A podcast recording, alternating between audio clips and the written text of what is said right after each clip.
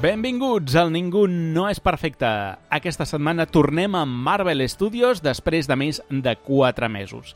Els tempos faran que d'aquí a final de temporada hi tornem unes quantes vegades més, però concentrem-nos en avui que toca el monogràfic dedicat a Doctor Strange in the Multiverse of Madness. En aquesta entradeta no volia parlar de la pel·lícula, us haureu d'esperar uns minutets per conèixer la nostra opinió. Començaré parlant-vos de San Raimi, el meu cineasta de capçalera. En aquesta afirmació hi ha una part de talent incommensurable del director i una part d'experiència personal. Us diré que vaig endinsar-me dins de la crítica de cinema a sent menor d'edat amb l'Exèrcit de les Tenebres, la primera pel·lícula que vaig analitzar. Fascinat per l'imaginari de Raimi d'aquella pel·lícula, vaig recuperar les dues entregues anteriors de la saga Evil Dead, Possessió Infernal i Terroríficament Morts i Darkman. Raimi no va trigar a convertir-se en el meu cineasta preferit. La meva manera d'entendre el cinema passa per Sam Raimi com a pal de paller. Durant els 90 destaca Ràpida i Mortal i la sensacional Un pla senzill. Acaba la dècada i comença la següent amb Entre l'amor i el joc, un producte d'encàrrec, i Premonició, el seu retorn en el terror en un thriller sobrenatural. L'any 2002 comença la trilogia de Spider-Man, que marcaria una fita en el gènere superheroic. El 2004 faria la segona part, que encara avui és la millor pel·lícula del personatge, i el 2007 la tercera, en què la seva visió va quedar embrutida per les ingerències dels productors i que acabarien en la seva renúncia a fer un Spider-Man 4 en plena fase de preproducció. Raimi es va refer el 2009 amb una altra obra mestra, Arrossega'm a l'infern, en què tornava als seus orígens. El 2013 dirigeix per Disney Oz, un món de fantasia, la que fins ara era la seva darrera pel·lícula. Durant aquests 9 anys en què hem estat orfes de Raimi en el cinema, ha produït la sèrie Ash vs Evil Dead l'any 2015, en què va dirigir el meravellós capítol pilot, i el primer arc d'històries curtes de 50 States of Fright, el braç d'or, que seria el millor que va produir aquesta sèrie de curs d'antologia de terror. I d'aquí a Doctor Strange in the Multiverse of Madness, el seu retorn a Marvel i la seva primera vegada amb Marvel Studios per treballar en l'altra cocreació de Stan Lee i Steve Ditko. Les gràcies li han de donar a Kevin Feige, productor de les pel·lícules de Spider-Man de Raimi, per recuperar-lo. Avui us acompanyaran en Pau Garriga, en Marcel González i la nostra productora, la Marta Sanz, qui us parla presentant i dirigint aquest programa, l'Ignasi Arbat. Abans de començar, recordeu que tenim l'espai de mecenes i subscriptors a patreon.com barra ningú no és perfecte. Sigui quin sigui el grau de col·laboració, trobareu contingut exclusiu com videoclubers i altres continguts. El darrer, un programa dedicat a Canon Films. Pel que fa al podcast, podeu escoltar tots els programes i subscriure-us a iVox i també a la nostra web ningunoesperfecte.cat en què, entre d'altres continguts, trobareu crítiques inèdites. També podeu escoltar els últims programes en agregadors com Apple, Amazon, Spotify, Google i Pocket Cast. A les xarxes socials estem a facebook.com barra ningú no és perfecte, twitter.com barra ningú no és, instagram.com barra ningú no és perfecte, guió baix podcast. Si ens voleu explicar qualsevol cosa, la millor manera és pel nostre correu electrònic ningunoes arroba outlook.com. Comencem el nostre viatge pel multivers de la bogeria entre el fantàstic i el terror.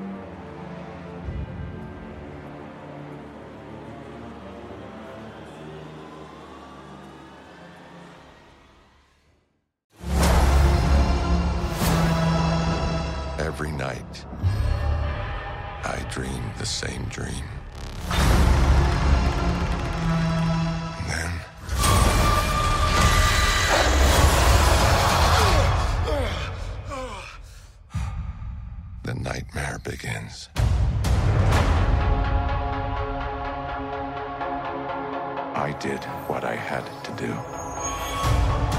Comencem ja la tertúlia de Doctor Strange in the Multiverse of Madness. Ho farem en aquesta primera part eh, sense spoilers, per tant no patiu, però com que ja molts l'haureu vist, no trigarem a començar a analitzar-la amb tots els seus iots. I avui ho farem, anem a presentar qui ens acompanya, en Pau Garriga. Pau, què tal, com estàs? Molt bé, moltes ganes de tornar a Marvel. Sí, sí, sí. Uh, Marcel González, Marcel... Bones, amb moltes ganes de parlar de la peli. I la Marta Sanz. Marta, benvinguda, avui també. Gràcies.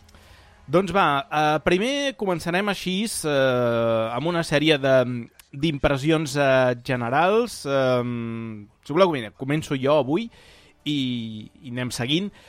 Mm, a veure, jo ja clarament em posiciono molt a favor d'aquesta pel·lícula. Uh, trobo que aquesta fórmula de barrejar el cinema de Sam Raimi i Marvel a mi m'ha funcionat perquè jo sóc fan de Marvel, sóc molt fan de Sam Raimi, per tant la combinació en aquest cas ha estat esplèndida.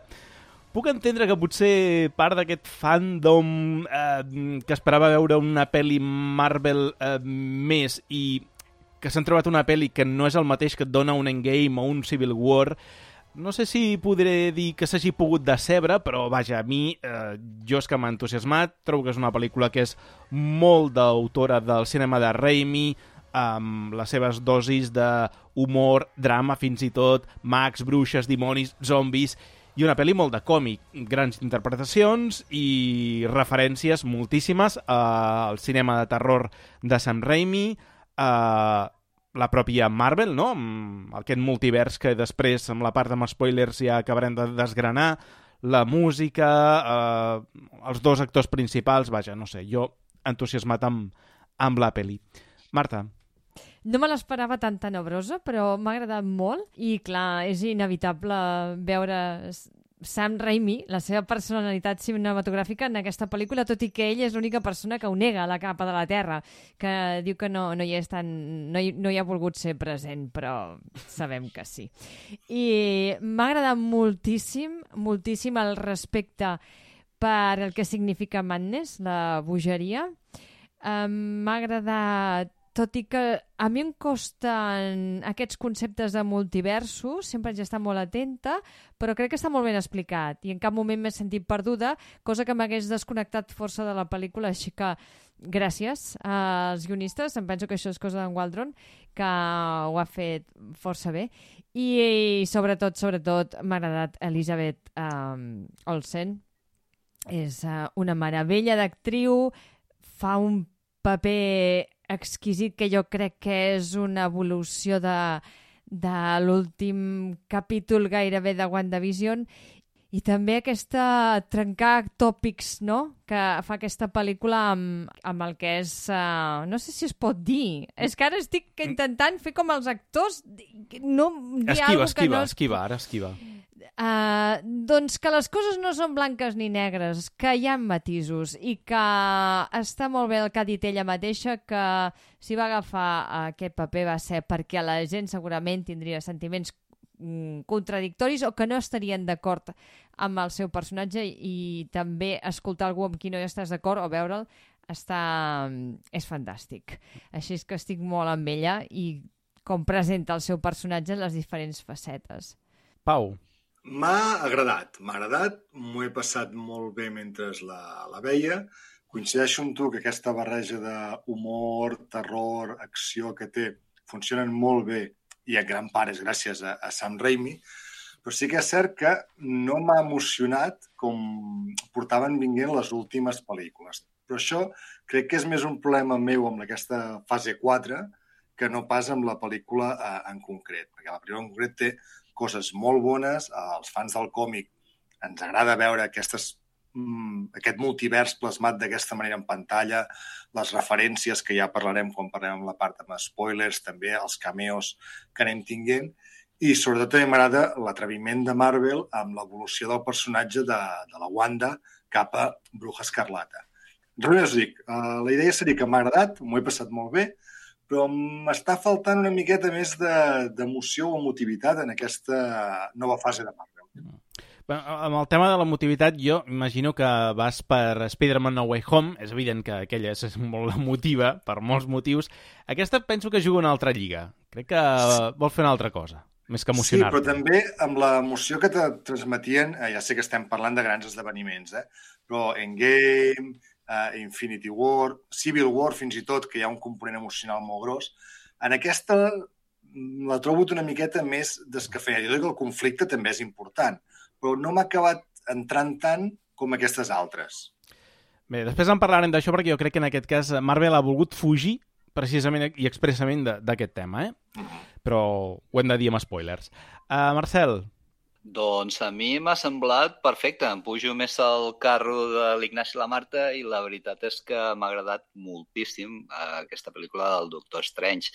Eh, és més seriosa que d'altres de Marvel. Es queixava, hi ha gent que diu que sempre hem d'atacar amb el sentit de l'humor. Aquí n'hi havia, però no n'hi havia tant. Era una pel·lícula molt més fosca i jo crec que Sam Raimi era l'ideal l'ideal per fer aquesta pel·lícula amb aquest to, amb el que tracta i molt rodona, molt rodona des de principi a la fi. anem per un tema en concret que crec que és interessant, que és aquesta classificació PG-13 que ha tingut la pel·lícula, perquè se n'està parlant bastant eh, aquests dies, sobretot perquè eh, hi ha hagut alguns pares eh, nord-americans que han portat els seus eh, fills eh, i filles al cinema i bé, han, han vist doncs, que en algun moment algunes escenes de, de violència eh, que s'han pogut sentir, doncs, a veure, anem a mirar bé aquesta classificació que té la pel·lícula i és PG-13 i, i s'han sorprès. Hem de dir que en aquest cas eh, Marvel, Kevin Feige, ha jugat bastant i el propi Sam Raimi en el límit del PG-13, perquè és veritat que eh, o sigui, hi ha alguns moments que podrien ser d'una pel·lícula que diuen els americans eh, R, no? I avui Variety publicava un, un article que intentava desxifrar una mica les claus de per què té eh, una classificació PG-13 perquè ha algunes escenes que realment són, són heavies a la pel·lícula. Sí que és veritat que la càmera s'aparta en alguns moments, però en d'altres que no. I una de les coses que enfatitza curiosament aquest article és eh, que el públic americà eh, o les famílies americanes estan més preocupades pel sexe que no pas per la sang i mm, aquest bany d'horror i comèdia negra que fa que també que la violència no se senti real, que sigui més de còmic, li hagi pogut eh, decantar la balança cap al PG-13. Igualment, per exemple, si recordem la pel·lícula de Rossega'm a l'infern del Sam Raimi, la del 2009, eh, també era PG-13. Per tant, eh, no és com un Evil Dead, que clarament doncs, és una classificació R, sinó que també anava i jugava amb el, amb el límit, com també fa aquesta pel·lícula. Que sorprèn més, potser, perquè és una pel·lícula Marvel. Home, aquí hi ha un parell de moments en què trepitja i, per mi, traspassa una miqueta eh, el PG-13. O sigui, sense sexe més explícit, però sí que és cert que en una pel·lícula mm, que potser es consideraria familiar o més per un públic juvenil, sorprèn que, que s'hagin atrevit a arribar a certs punts, cosa que també eh, els aplaudeixo pel fet de dir, bueno, no, no estem parlant només de pel·lícules per nens i nenes, sinó que hi ha un públic més adult que també busca aquest tipus de cinema. Però sí que és cert que a mi em va arribar a sorprendre un parell de moments de dir, ui, sí que han anat eh, lluny en aquí. A mi sorprendre gratament, la veritat. És, uh, jo crec que ja estem pujant de nivell, crec que Marvel està fent les pel·lícules ja amb un altre caire i ens estem reconduint cap allà. Crec que és una bona notícia. Hmm. Una de les coses que també és interessant de, de la pel·lícula és el fet que hagi estat Sam Raimi el director, és a dir, a Marvel moltes vegades se li ha acusat de fer pel·lícules d'estudi i que els directors no poden imprimir la seva personalitat. Uh, evidentment no és el cas d'aquesta. I jo diria que tampoc és el cas, per exemple, del Taika Waititi o de James Gunn, que també són directors amb molta personalitat i, evidentment, les pel·lícules que han fet per Marvel, el seu segell d'autor està allà. Per tant, aquest mite, en certa manera, penso que és això, un mite, moltes vegades. A mi em cansa molt eh, que la gent repeteixi això, perquè, a més, portem molt de temps demostrant que no és veritat. És el que... O sigui, James Gunn fa la pel·lícula que ell vol Waikiki fa la pel·lícula que ell vol i, evidentment, Sam Raimi eh, és que és el que dius, és una... Pots d'aquestes pel·lícules que pots dir directament gairebé de qui és el director sense saber-ho abans. Per tant, dir que Marvel, que evidentment marca unes directrius, això està claríssim, perquè és un univers compartit eh, que ha de funcionar bé tot en conjunt. Però un cop marcades els directius, el, els directors tenen mm, llibertat o certa llibertat per fer més o menys el que volen jo canso una miqueta això de dir que són pel·lícules sense personalitat, eh, fetes amb un motllo. No, no, no és veritat, això. A mi el que em cansa també és que s'acusi que per aquesta pel·lícula hagis de veure 20 sèries i 20 pel·lícules abans, cosa que també em sembla absolutament fals, perquè WandaVision, ja us dic ara, que no l'ha vist ni el mateix amb Raimi. Val? Per tant, que fins i tot la sèrie que seria la més imprescindible, perquè sí que és cert, no?, que si no has vist WandaVision et perds amb algunes coses, és a dir, eh, i encara que et perdis, la pel·lícula t'intenta situar sempre perquè no et perdis, és a dir, el tema dels fills, que tu eh, pots pensar si no has vist WandaVision, ostres, què passa? Te'l van explicant. Sí que no t'expliquen la transformació de Wanda en Bruixa Escarlata. Això, evidentment, aquí sí que has haver hagut de passar per la sèrie sí o sí, però el mateix en Raimi explica que a ell li van passar els moments claus de, de WandaVision abans de fer la pel·lícula. Més hem de tenir en compte que eh, es van rodar, després ho explicarem consecutivament, i que encara no s'havia acabat una que ja estava rodant l'altra. Per tant, era impossible que Sant Raimi hagués vist WandaVision. Simplement li van passar talls del que estava filmat que repercutirien a la pel·lícula. Han estat molt lligades, evidentment, pel, pel personatge de Wanda, no? però el fet de no tenir la sèrie a punt quan tu estàs començant a rodar pot ser un hàndicap, en aquest cas en, en contra, no? perquè la cosa ha estat molt ajustada. Però ni, per exemple, que també ha dit no, és que has de veure What If no, tampoc has de veure What If. Hi han coses de What If que són idees que recull aquí, però per res has d'haver vist What If. I fins i tot ni tan sols Spider-Man ni tan sols Loki, que són produccions que estan tocant el tema del multivers, perquè les regles del multivers aquí són diferents. Després ho explicarem, no? Amb la part amb spoilers.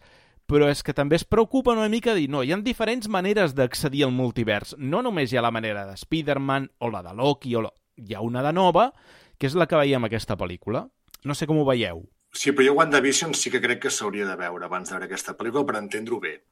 Sobretot amb el tema de l'evolució de, la, de la Wanda, eh, ja no només per transformar-se en bruja escarlata, sinó per al canvi del seu caràcter, el dol que passa i com passem d'un tipus de personatge a un altre. Però la resta eh, és prescindible.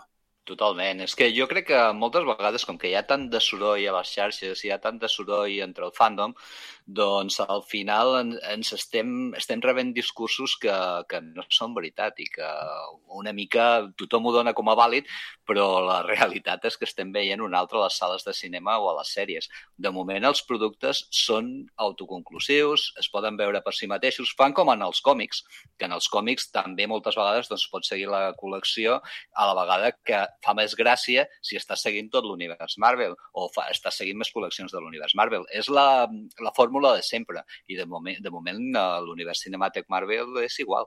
Bé, abans d'entrar en temes de preproducció, eh, que ens en parlaràs tu, Marta, fem una mica la, la preparació. D'on venim? Venim del 2016, en què s'estrena la pel·lícula de Doctor Strange, la primera pel·lícula, que sembla mentida, han passat eh, sis anys de, de la primera pel·lícula.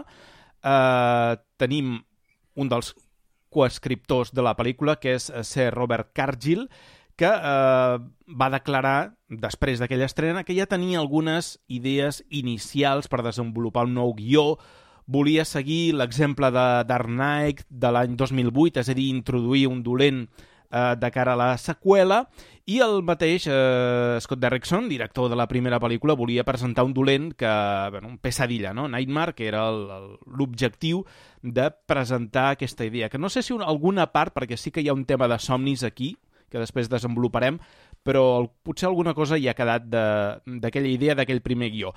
També una de les coses que volien introduir en aquella pel·lícula era el personatge de Clia, que apareixeria a la seqüela. Bé, en tot cas, a l'abril del 2017 es confirma que Derrickson seria el director de la seqüela, però que tenia l'agenda molt apretada perquè estava eh, desenvolupant la sèrie de televisió de, de Locan Key per Netflix. Aleshores, aquesta agenda apretada desapareix en el moment en què, per diferents motius, ell diu que també són motius d'agenda, que tenia moltes coses, ha d'abandonar Locan Key, que acaba en mans d'Andy Muschietti. Eh, en tot cas, el guió s'anuncia o es fa eh, durant el 2019 perquè eh, està previst que el rodatge sigui a principis del 2020. De fet, Kevin Feige i Scott Derrickson anuncien a la Comic Con d'aquell any, del juliol del 2019, el títol de la pel·lícula, que seria Doctor Strange in the Multiverse of Madness, per tant, encara que el guió finalment hagi estat un altre, el títol de la pel·lícula es manté i que la data d'estrena seria el 7 de maig del 2021. I, evidentment, es posa l'èmfasi en els elements gòtics i els elements de terror que s'explorarien en aquesta eh, pel·lícula. Eh, per això també la continuïtat de Scott Derrickson, que és un director especialista en terror. I anem, doncs, ara, eh, Marta, amb el tema de la preproducció i què passa a partir d'aquí quan ens comencem ja d'aquesta idea inicial que parlàvem ara a començar a treballar en la pel·lícula. Doncs el, el 2019, a l'octubre de 2019, eh, Marvel, Kevin Feige, contracta la guionista Jade Bartlett i eh, ella fa el seu guió amb un multivers que ja estava mm, contemplat, no va prosperar.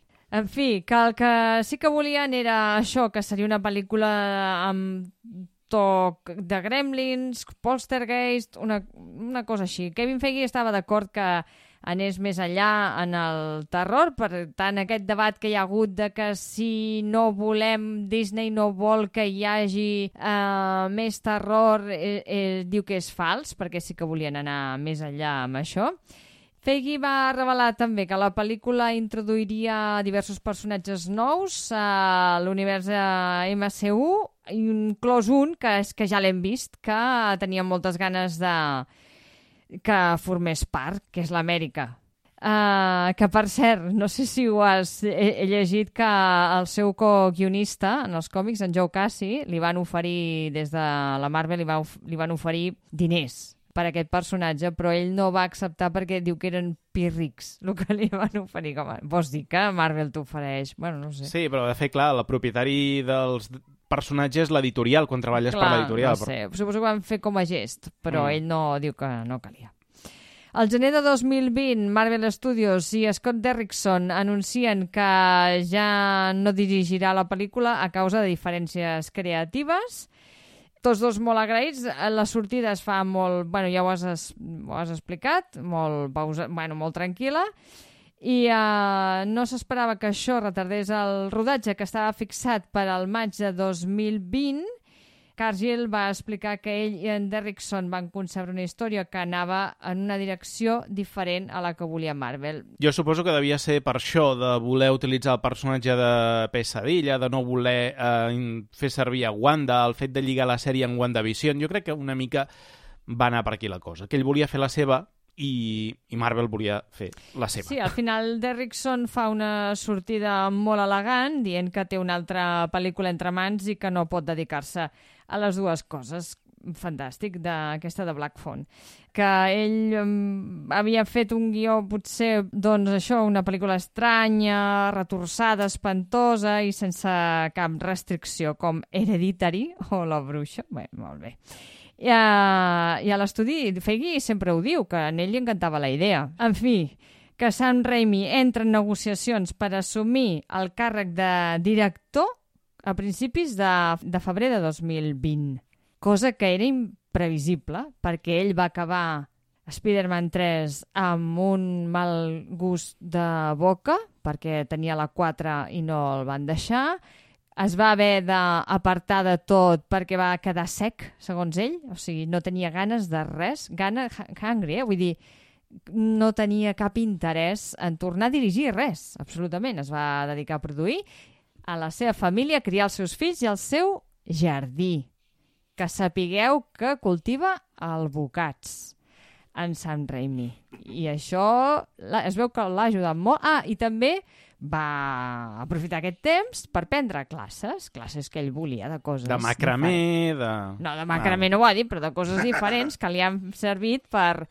Ell diu que després, veient-ho amb el temps, doncs l'han servit per fer eh, tornar a tenir gana, aquesta fam de dirigir o aquesta fam de fer coses, no? És com tornar, ell diu que és com tornar amb vells amics, però fer una cosa nova. O sigui que estava encantat, però suposo que molta... devia deixar bastant clar que faria el que ell voldria i efectivament ho ha dit, eh? Li han deixat llibertat total per fer el que, el que ha volgut.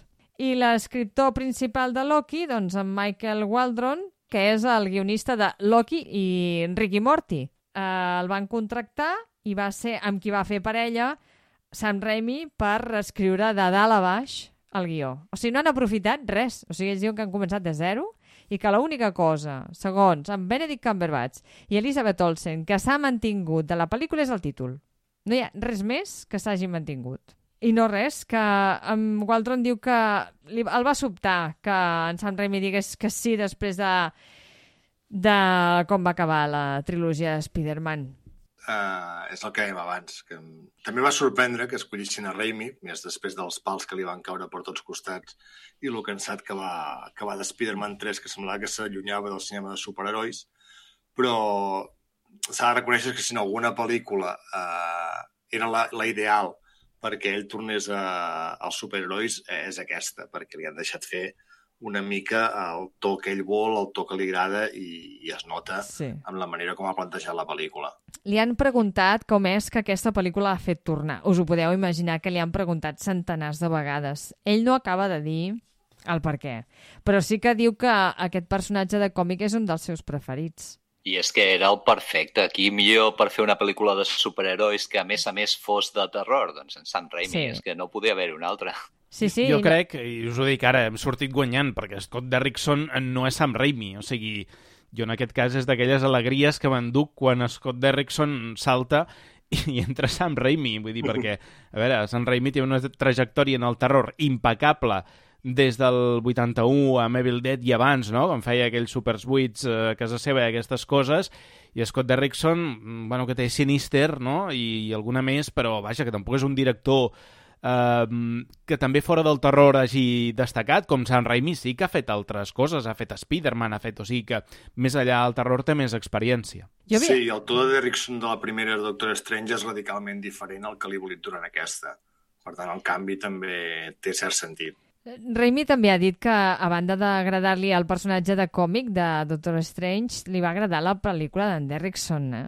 que suposo que algú li deu veure. I jo Home, a mi també, eh? Sí, sí, sí, el que passa que és diferent, per suposat. Sí. T'imagines que et presenten Doctor Strange amb aquesta? És que, clar, acabes clavat a la cadira. El que sí va fer Waldron, que m'ha agradat molt, és estudiar, estudiar Raimi. O sigui, va fer un màster, eh, va mirar les seves pel·lícules de Possessió Infernal, va mirar un altre cop i diverses vegades els Spidermans de Raimi, eh, ha, ha fet una, un, bueno, no, un monogràfic per saber els punts forts del seu col·lega, que, clar, tenir de col·lega en Sam Raimi al guió. El que sí que ha fet, per exemple, el Waldron, que és el que us he dit abans, és que com ell està acostumat a tractar la ciència-ficció d'una manera planera, aquesta habilitat que té d'introduir elements de ciència-ficció per un públic gran, no massiu, en què potser eh, no està tan avasat a la ciència-ficció. Llavors, eh, sí que això diu que la seva experiència com a guionista a Ricky Morty l'ha facilitat en aquest guió de, de Doctor Strange. Han volgut fer alguna cosa coherent amb els What If, hi havia aquell de, de Doctor Strange. Sí, sí, però la versió que veiem aquí no, No té és, res a veure. No, no és aquella. No, no, no. Sí, és el que es pensava tothom, que sortiria aquella versió del Doctor Strange i al final, res, no. Les dimensions que... La, els, bueno, les versions que hem vist alternatives no tenien res a veure amb aquella. No. En Raimi eh, i en Waldron jo crec que han fet molt bona parella de, de guió, tots dos s'han conegut i el que sí que els va servir perquè a tot això, crec que del 5 de novembre al 2 de desembre de 2020 Anglaterra va fer un bloqueig de les fronteres Sí. per la pandèmia de la Covid, cosa que els va donar més temps per treballar en el guió, cosa que van agrair moltíssim per eh, acabar de polir. En quant al rodatge, hem de dir que comença el novembre del 2020 a Londres. Tenim un director de fotografia, que és John Mathison, i que treballa amb càmeres Panavision DXL2 eh, IMAX.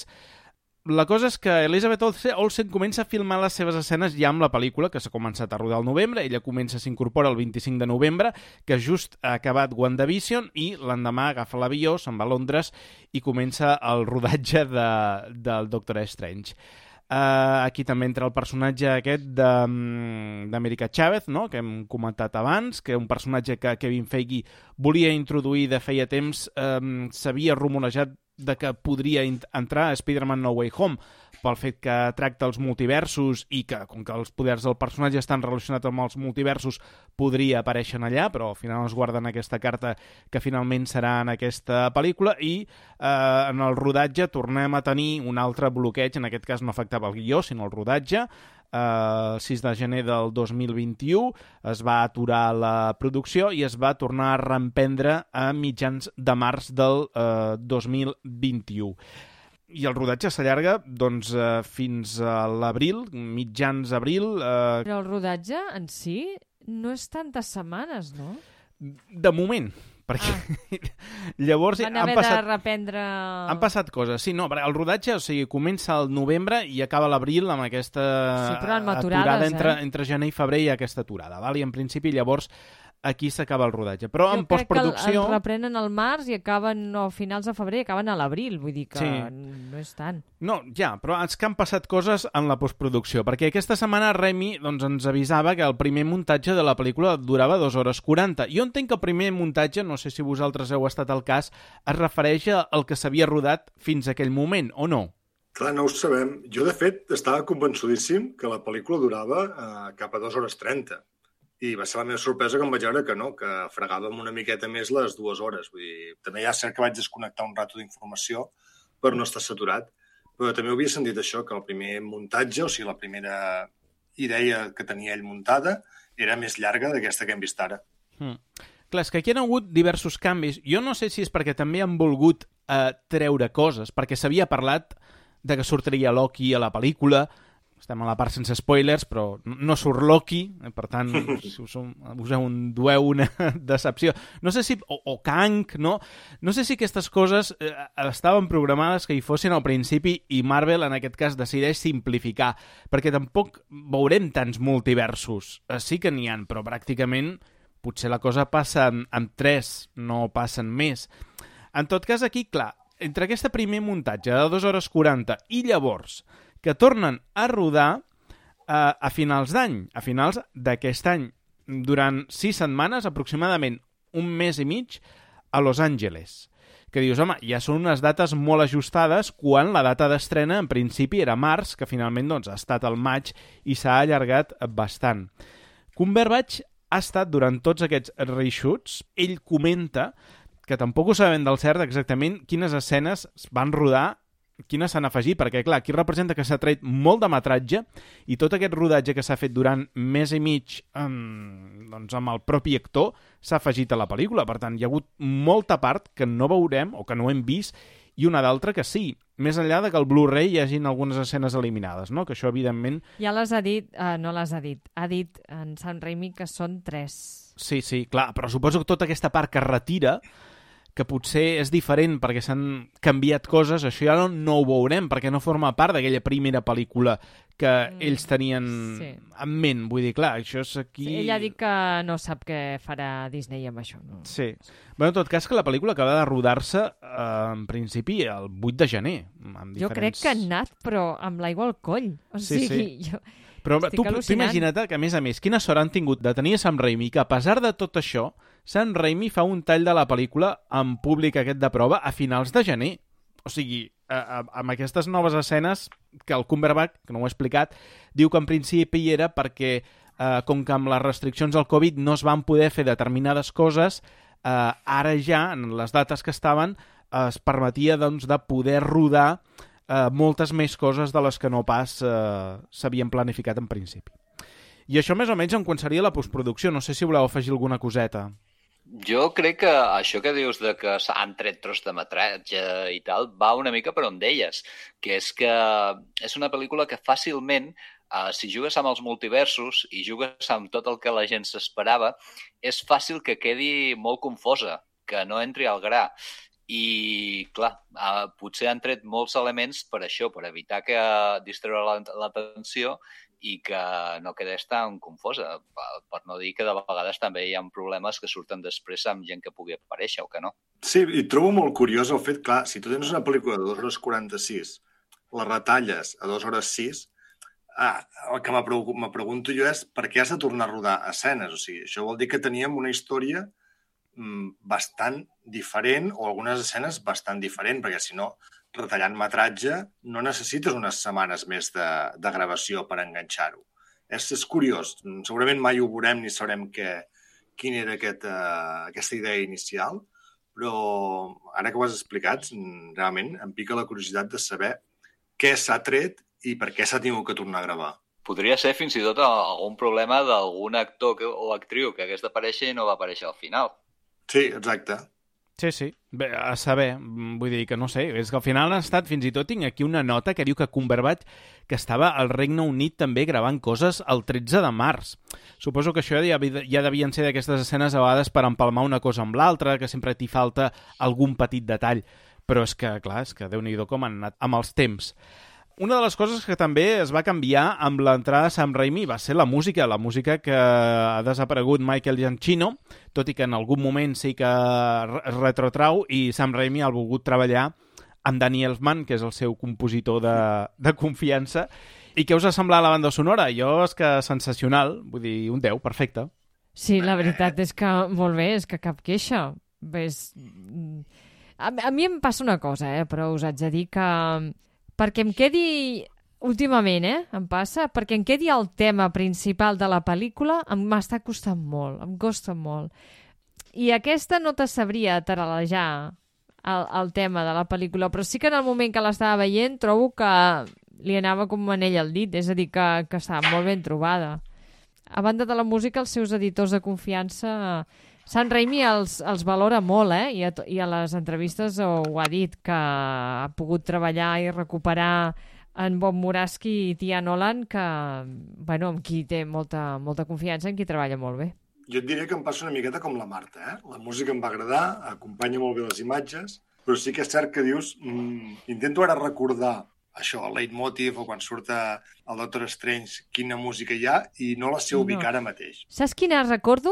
La de caràtula d'entrada. Aquesta m'encanta. Ah, però aquesta és la sí- típica, Sí, sí, clar, sí. que ja recordem tots. Sí, bueno, hi haurà gent que no, eh? Però Bueno, aquesta m'agrada molt. A mi, la, a mi en Daniel Fan també m'ha semblat perfecte amb aquesta pel·lícula i com ha dit l'Ignasi, em sembla que hem sortit guanyant moltíssim. Uh, I hi ha unes notes quan surt el personatge que ja m'ha matat, ja, bueno, m'ha encantat. Mm. O sigui que, genial. Sí, val, sí. val. No, encara no, No encara no.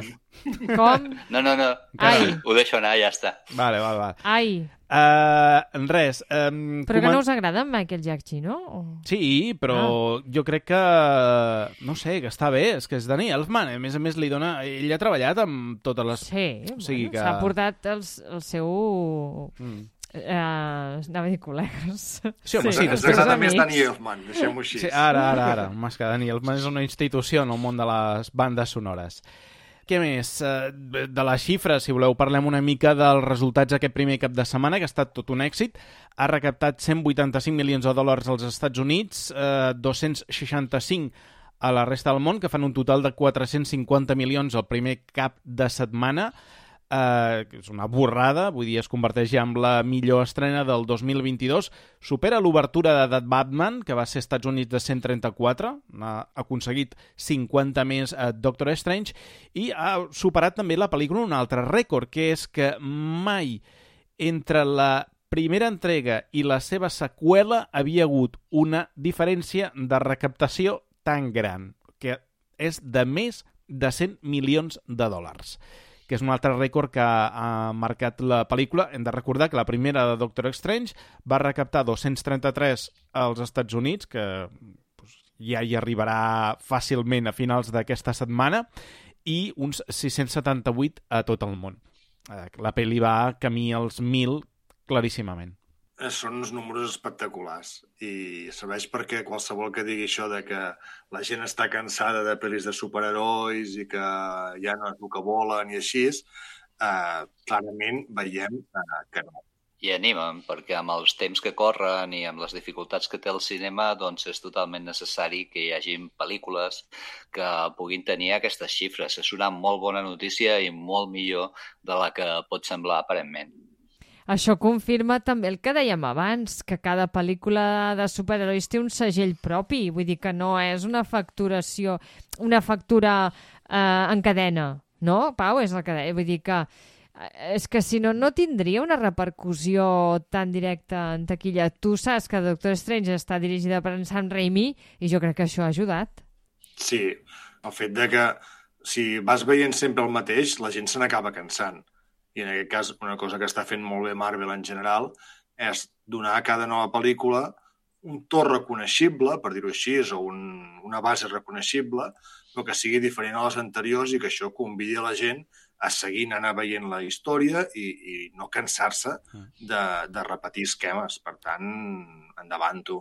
I, I aquesta és uh, probablement la pel·lícula amb més nivell d'exigència de cara a l'espectador, és a dir, perquè fins ara és a dir, tu has d'haver vist les pel·lícules, però en aquest cas ja està implicant que tu hagis de veure per entendre el 100% de la història, que ja la, la pel·lícula intenta donar-te, o sigui, posar-te la canya, no? tirar-te alguna cosa perquè tu puguis entendre però si no has vist WandaVision, mmm, jo és que és la primera pel·lícula que dius, no, necessites veure la sèrie per entendre completament. Que sí, que ja saps que Wanda, que els fills i tota la història, però per entendre la vinculació emocional de Wanda és que has d'haver passat per WandaVision. Totalment d'acord. Jo sense, sense ella hi ha una part de la pel·lícula que et quedes orfa o no entens com a mínim les motivacions d'un dels personatges principals de la història. Mm. Però vaja, que no va més enllà d'això. És a dir, jo crec que també és una pel·lícula que eh, no necessites haver vist les 25 pel·lícules anteriors de Marvel. És a dir, com a molt, la última Doctor Strange i... Que tot i havent-les vist, que és el meu cas, quan les oblides no serveix de res. Perquè jo les he vist, però després és com... No recordo de res. És que com va acabar aquella... Va, tornem-hi. Vull Bueno, dir que a vegades perquè, necessito clar- fer que em facin com en Sam Raimi, que me'n posin els, els, els millors moments de certes pel·lícules i ja està, recordar-me certes coses.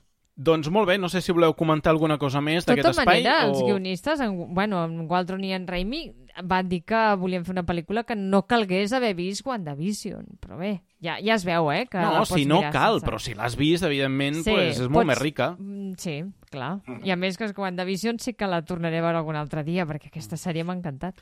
Doncs va, si deixem els prolegòmens, anem a la part Sí. amb spoilers. Val. Doncs va, comencem.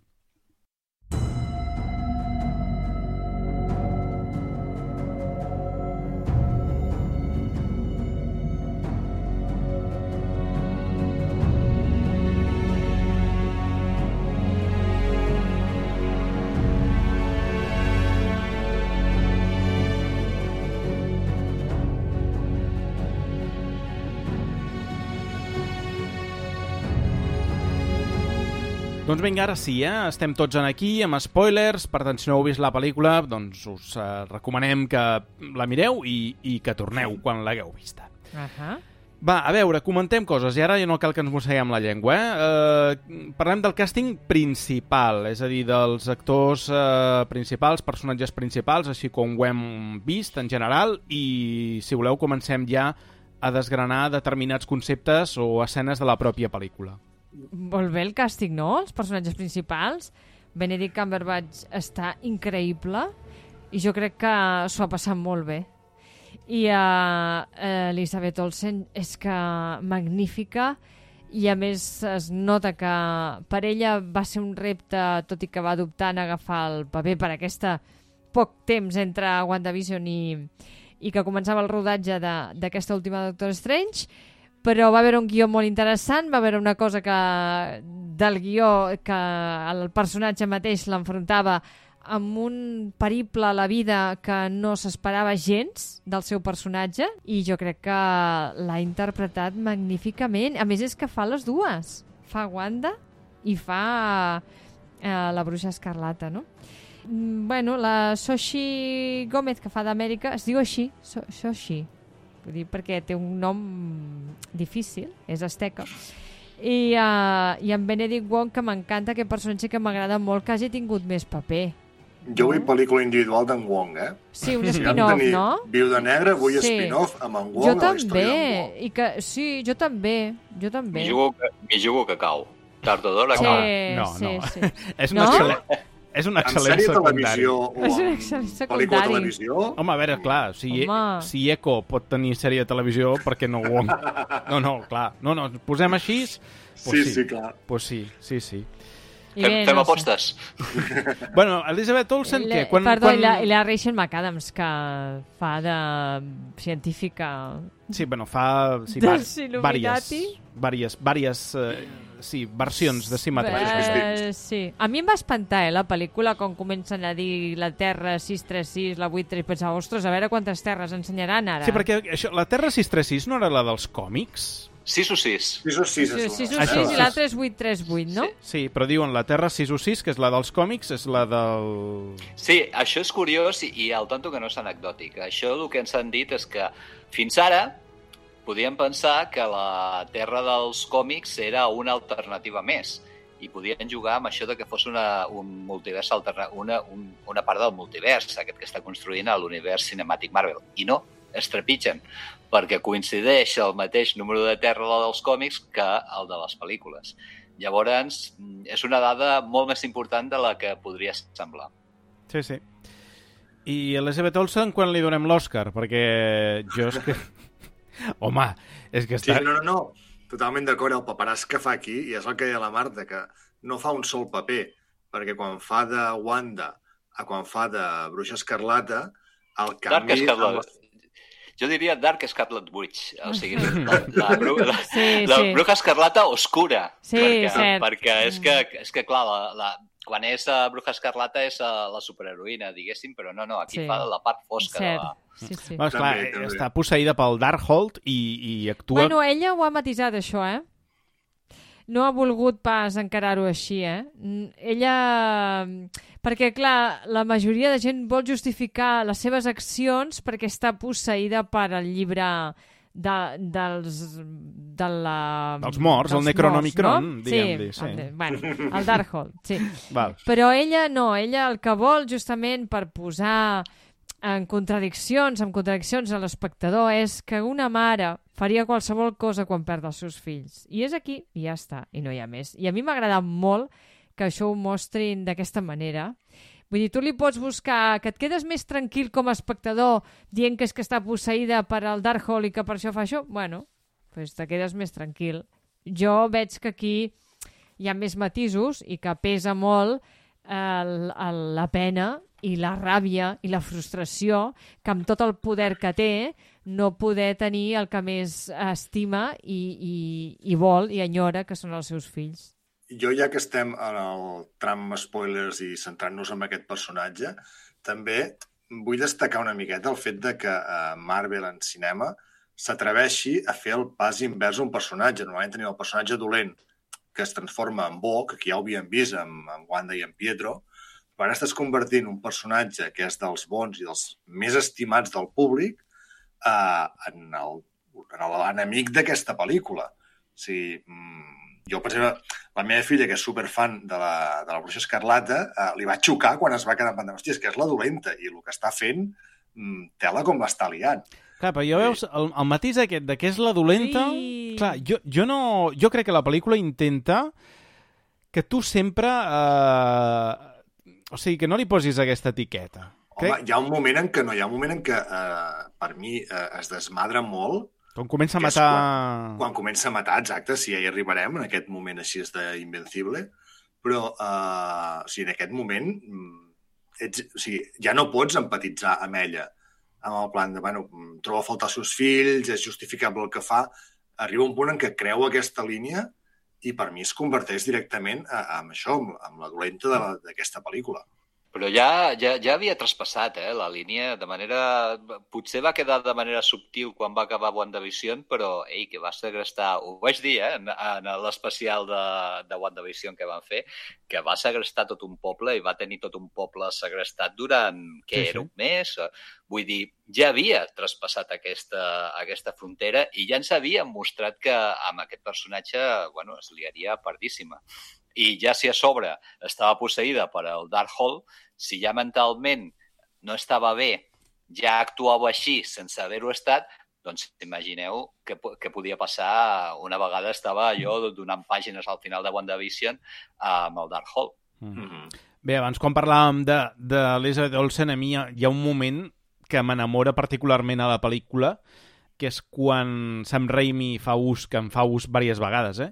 De, del moviment de càmera, no? que ja el feia a uh, Possession Infernal, que anava movent la, la càmera a través dels arbres. Eh, Hi ha un rumor que diu que era ell anant amb moto i, i anant així. eh? No sabem si això és veritat o d'aquelles històries que... Però bé, és igual.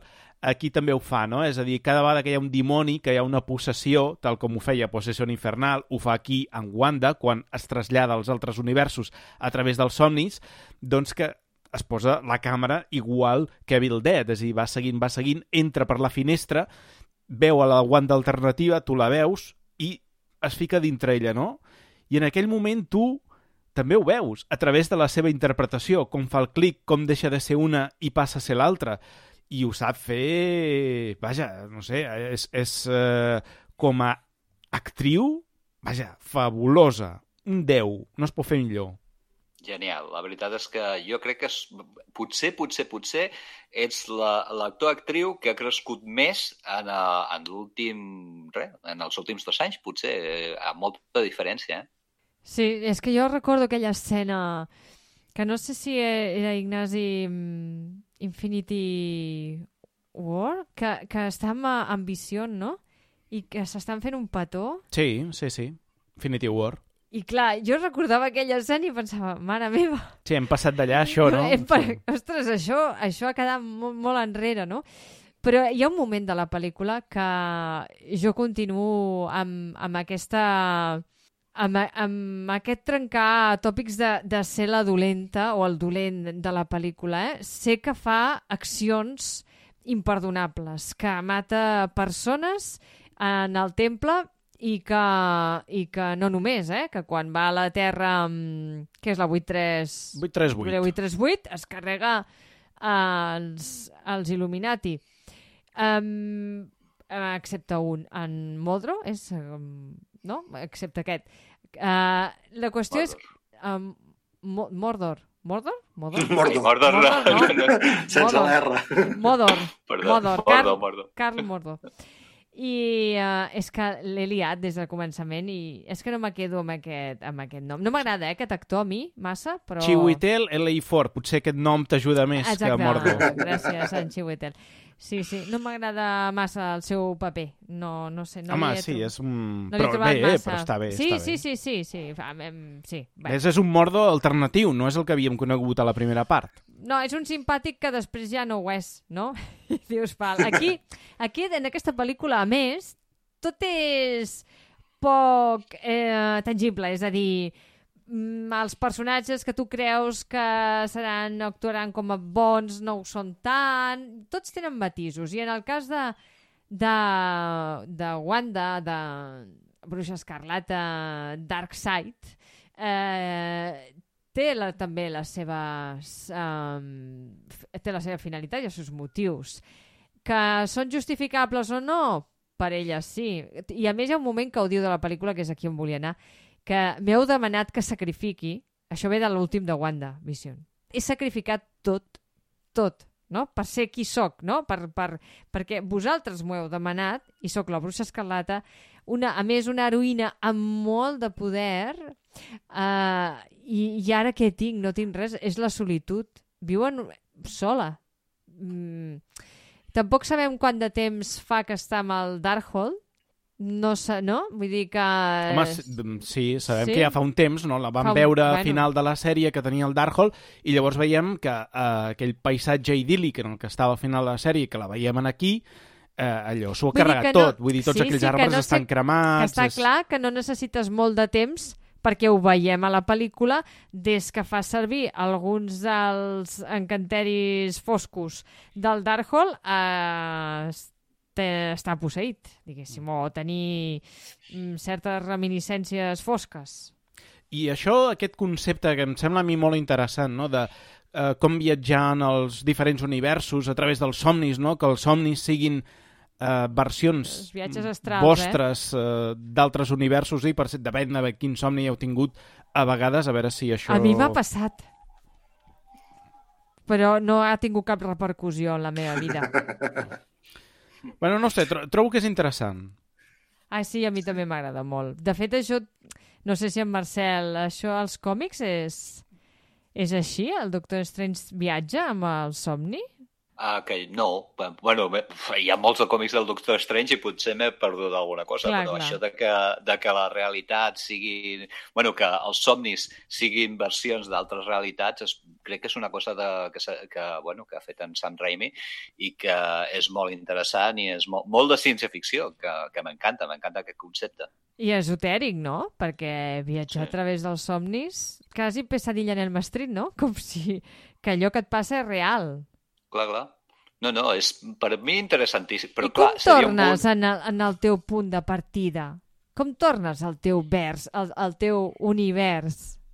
Perquè suposo que el concepte és que tu quan somies eh, entres en contacte amb una altra realitat. O sigui, el que estàs tinguent no és veritablement un somni, sinó que simplement estàs, diguéssim, veient o t'estàs posant en la pell d'u- d'un altre, altre tu que hi ha al multivers i que té un altre tipus de vida. Aquest és el concepte, però és una connexió quan dorms i una desconnexió quan despertes. Vindria a ser això, i és, ja dic, no té res a. No, no, més que un concepte dels còmics, seria un concepte de ciència-ficció que és molt xulo i que sí que, potser, sí que s'ha utilitzat d'altres vegades.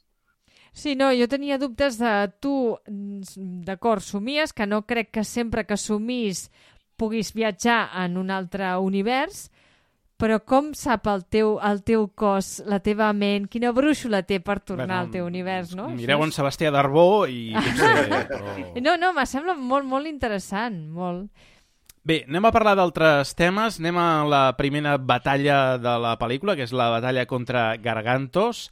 Gargantos, que és eh, Shumagoraz, però com que els drets d'aquest personatge pertanyen a una altra editorial actualment, doncs eh, li han hagut de posar Gargantos. Però vaja, que el, el monstre és... Eh, vaja, dir que, bàsicament, ja...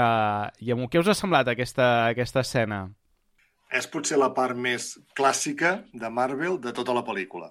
Sigui, aquesta així mm, barreja d'humor, treballa en equip amb en Wong, eh, baralla... Bueno, baralla tampoc seria la paraula, perquè tampoc és una baralla del tot. O sigui, amb el Doctor Strange llançant encanteris. És la part més clàssica de Marvel. Totalment d'acord. Crec que va per aquí, que recorda moltíssim, a part de les pel·lícules, recorda moltíssim els còmics de Doctor Strange i, no, no, un pla, increïble veure-ho. Home, a mi, a veure, si us he de dir, em va recordar, i, i ara, a veure ja si em doneu sé, la raó, ja home, sé. home, hi ha, vari, hi ha diverses coses en aquesta escena molt bones. Uh, no, l'autobús no. Quan lluiten en els... Uh, en Quan la- van a buscar llibre de Vishanti. No, no, no. En els taulats, quan estan lluitant en Shumagoraz, en els taulats, tu canvies Amèrica Ah, va, Chávez sí, sí, sí, per la sí. tia May Sí, sí, i, sí. i ja ho tens. Tens un, una cosa de vuit braços eh, fent anar una persona amunt i avall amb, amb un edifici vertical. Bueno, no sé, jo, jo, és que vaig veure molt clar. Jo allà vaig veure Spider-Man 2, veia allò, la, la tia May amb el paraigües aguantant-se, vull dir, era tal qual. I al final no era el Doctor Octopus, però vaja, era un tipus, un ésser estrany amb tentacles, per tant no, no sé. I, al- i el moment que li arranca l'ull, això és eh, Evil Dead segona part, que també es produeix una arrencada d'ull clavada, clavada, clavada. Aquí és més exagerat perquè l'ésser aquest té un ull gegant, no? Però vaja, també és un altre homenatge a les seves pel·lícules de terror. No sé, que en Sam Raimi s'ho ha passat increïblement bé filmant aquesta pel·lícula és que no hi ha cap mena de discussió. O, o el Waldron ha afegit això i li arranca l'ull i tal perquè, clar, tens al cap el Evil Dead 2, no? Que és el que deia la Marta, si va estudiar tota la seva filmografia i va ser, doncs, mm, anem a adaptar una mica el guió a com és ell i com ho fa, tindria molt de sentit totes aquestes referències que estàs comentant ara. És que aquella arrencada d'ull gairebé sents el pop de Ventosa, eh?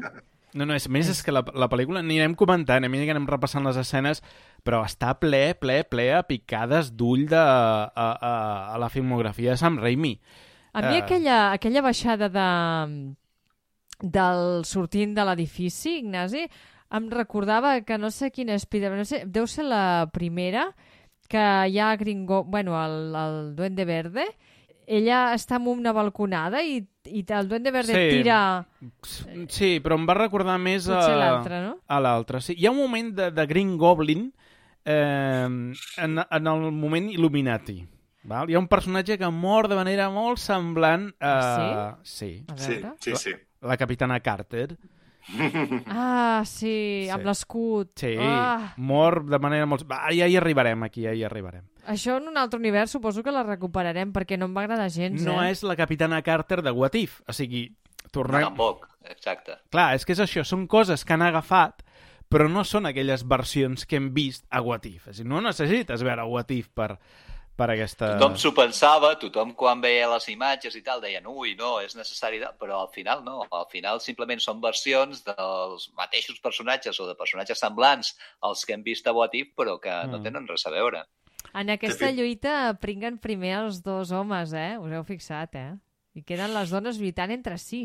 Eh, Us en esteu anant, us estareu No, anant. no. Però, de fet, això que estàvem comentant ara dels personatges, ja ens ho havien dit, perquè ens havien dit que What If no tindria eh, relació o continuïtat amb l'univers Marvel, però que vam veure el tràiler vam dir, oh, ens han enganyat, sí que surten. I no, no, realment ens van dir la veritat aquesta vegada.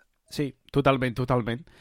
No sé, alguna cosa més de- d'aquesta escena o que va lligada amb l'escena de, del casament, eh? que no ho hem dit, que aquí es Quina, casa... quina escena? La, de La del? Gargantos. Ah, La de Gargantos, no, sí. no. Hi ha la presentació del personatge d'Amèrica Chávez, que és... Molt bé, molt bé. M'ha agradat molt. A mi m'agrada més que la dels còmics. La dels còmics... mm, Jo no la segueixo. Totalment d'acord. Totalment d'acord. Crec que han fet un personatge més interessant, tot i que també he de reconèixer que la dels còmics tampoc he llegit tanta cosa seva. Tu, Pau, com ho has vist? Jo és que no la conec dels còmics, per tant no, no puc comparar-la. Sí que és cert que m'ha agradat ella com ho fa, que quan hem fet els personatges eh, l'hem posat una mica per sobre, i tinc ganes que aquesta nova generació més joveneta de, de personatges s'acabi trobant en algun moment, perquè eh, crec que si la, la posem al costat de Hailey Stanfield i de Florence Pugh, eh, poden fer molt bona química totes tres d'alguna manera. Sí, Young Avengers, això Sí, sí, sí. pròximament. Home, però ella és més jove, o sigui... Sí, té 16 anys. Els còmics és més, uh, més gran, però aquí és més adolescent. O sigui, l'han rejuvenit bastant el personatge. Sí, sí. Que la Hailey Stanfield jo la veig més gran. Sí, en, en els còmics sí que podria tenir l'edat que té Hailey Stanfield, però no aquí, que té 14. A sí, però aquí? jo estic amb en Marcel, que és cap on segurament estem anant, eh? Vull dir, eh, que en algun moment tota aquesta jovenalla, diguéssim, aquesta nova generació, eh, s'hauran d'acabar trobant, perquè fixa't que estem posant molts de personatges eh, adolescents o preadolescents i, i crec que d'alguna manera o altra s'acabaran trobant. Jo en tinc moltes ganes perquè um, ja vam veure eh, a Ojo d'Halcón que uh, Florence Pugh i Hailey Stanfield funcionen molt bé juntes i, i crec que ella, amb aquest sentit de l'humor que té i aquest caràcter que mostra la pel·lícula, uh, pot funcionar molt bé uh, amb elles, Mm. també. Sí, ara ho hem dit, eh, que en la pel·lícula s'obre amb aquesta escena um, amb el Defender Strange, que en diuen, per, per l'uniforme, no? que és el que porta el Doctor Strange uh, a la col·lecció dels uh, Defenders de Marvel, se li ha dit així Defender Strange, que és on es presenta el, el personatge de l'Amèrica, no? en, el, en, el, Mhm. en el pròleg, que és aquest suposat somni, però que no és un somni que té el propi Doctor Strange. Però tu, tornem-hi que Disney la deixa sense mares. O sigui, és... No, no, no, lo de les mares no queda clar. eh, Les envia... ja De moment ja- l'han deixada orfa. Això passa als còmics també, eh? O sigui, Val. perquè ella ve de, també ve d'un univers, del multivers, que també, no sé com es diu, el, món paral·lel... Bueno, Sí, un, un, sí, sí. Paral·lel, una mena sí. de- d'univers Sí, sí, sí, sí. d'univers que paral·lel, i allà també té dues mares, i allà, aquí desapareixen, allà em sembla que moren. Però això és marca Disney, no? O sigui, si ets personatge Disney, un dels teus pares ha de morir segur. Clar, clar. Però si passa als còmics, llavors ja, ja està. Va, no, no. Però, però bé, la fa... A mi m'ha agradat molt, eh, aquest personatge, honestament. M'ha agradat molt ella i, i crec que té aquest equilibri entre el domini del seu cos també, no? perquè a més ella va practicar arts marcials i, i la interpretació. Sí, perso personatge que gràcies a ella la pel·lícula no s'estrenarà en democràcies consolidades. Eh, Ah, sí? bueno, és igual, no, passo ja d'aquest tema, però jo trobo que en aquest cas molt bé per Marvel, igual com a Fem Eternos, no us agrada? Doncs pues mala sort, no s'estrena la pel·lícula. Vull dir, vosaltres us ho perdeu, perquè és que al final no pots condicionar el fet de o haver de retallar o no poder incloure diversitat sexual a les pel·lícules perquè llavors no les pots estrenar. Escolta, doncs que no s'estrenin en aquests països i que es quedin sense pel·lis Marvel, tu. I ja està. Si no, el missatge seria totalment horrorós. Clar, sí, sí. Sí, sí. I aquí el Benedict Cumberbatch doncs, ha donat suport i li ha semblat bé que Marvel no hagi decidit esborrar l'escena aquesta on es fa referència a les dues mares. A més, la, la, la, la pròpia protagonista, que tampoc es posa aquí èmfasi en el... porta una bandera LGTBI, entenem doncs, que, que ella també també ho és, però tampoc la pel·lícula posa èmfasi en això. No, i porta un escrit en la jaqueta que posa en castellà amor és amor o amar és amar, no ho sé. Mm. Ara posa alguna així, vull dir que és un personatge que representa eh, aquesta nova generació, també. I si no els agrada, que s'hi posin fulles i ja està. Correcte. Bé, total, que llavors tenim aquella escena, no? El Doctor Strange va veure la Wanda i tal, i, bueno, descobreix que la bruixa escarlata és allà, que a més a més l'ha posseït el Darkhold, eh, actuant ja com a Necronomicron total, i es produeix aquesta escena de l'atac de Wanda a Camartag eh, amb el Wong allà, no? El que és el, el mag suprem de l'univers Marvel. No sé, què us ha semblat aquesta escena? És la pitjor defensa d'una fortalesa que ens podem imaginar, eh? Perquè, hòstia, aguanten més o menys poc, per dir-ho així. Però està molt ben pensat la manera com la Wanda trenca les defenses, també jugant amb aquest... Eh, recuperant potser la Wanda de, del principi, que pertorbava les ments, així. M'ha agradat aquest tros, però sí que fa una escabatxinada considerable en allà. Hmm. Sí, sí. Sempre hi ha el pobre desgraciat que és qui ho ensorra tot. Sí, al final acaba prenguant el, el Wonka allà, eh? Tota aquesta part va molt ràpid, eh? Que també ho hem comentat que la pel·lícula, o sigui, que no, no et dona temps a respirar, és a dir... Eh, hi ha poques escenes d'aquelles dius aturem-nos un moment i respirem. Mm, De fet, Wanda passa de, de desvetllar-li al Doctor Strange que, el, que domina el Darkhold, que l'ha fet servir per connectar amb els seus fills, i, i per altra banda doncs, es produeix immediatament en aquest atac quan ell intenta protegir, no? I bueno, està, està bé com aquesta dinàmica de no parar de la pel·lícula. Sí, sí, comença amb un ritme bastant trepidant, perquè ja només la primera escena és el que comentàvem de l'altra versió del Doctor Strange, saltem eh, el combat pels carrers, ara ja saltem... Hi ha la petita pausa de quan estan xerrant tots dos, però dura res, o sigui, de seguida ja saltem aquí a preparar les defenses, l'atac, i després sí que ja ens podem calmar una mica més, però de cop tornem un altre cop a pujar el ritme de la, de la pel·lícula. Són dues hores eh, intenses, intenses. Potser aquí és quan es noten també els trossos que s'han tallat. Bueno, no ho sé. No ho sé si precisament en aquí. Però bé. Um, doncs, uh, si no saltem el següent moment, sé a cas que podria ser quan cremen el, el Darkhold, que aquí es produeix el primer assassinat, no? Diguéssim, quan acaba matant a, a una de les bruixes de, del temple. Bueno, n'ha matat uns quants abans ja. Bueno, sí, però... em porto uns quants a sobre, però aquesta és la, potser la primera vegada que la, el veiem més explícitament, Sí, perquè fins ara ho havíem vist de lluny o quatre coses i aquí veiem ben bé que dius val, ara sé per què Sam Raimi està darrere a la càmera en aquest moment. però vaja, el millor està per venir, eh, encara. sí. Bé, total, que ens quedem sense Darkhold i dius, home, i ara què passa? No hi ha llibre? No, doncs aquí apareix un altre element que també és diferent a l'univers Marvel, que és el món Wonderworld. Marcel, tu que ets també expert en el tema, eh, el món Wonderworld sí que està relacionat no? amb l'origen de, del personatge i el que veiem aquí és un pèl diferent, o sigui, ho porten al terreny de l'MCU. Sí, l'havien d'esmentar si estava la Wanda Maximoff, que en els còmics havia sigut on havia estat abandonada amb en Mercurio, a diferents versions, eh, que si en Magneto, que si després no, que si després sí, i, bueno, i allà és també la té reconeguda per l'Alto Evolucionador, o sigui que és, eh, una, és Marvel total. Jo em pensava dir que a veure si ara aquí surt l'alto evolucionador, surten animals convertits en... no, però no, no. Continuen amb el tema de la màgia.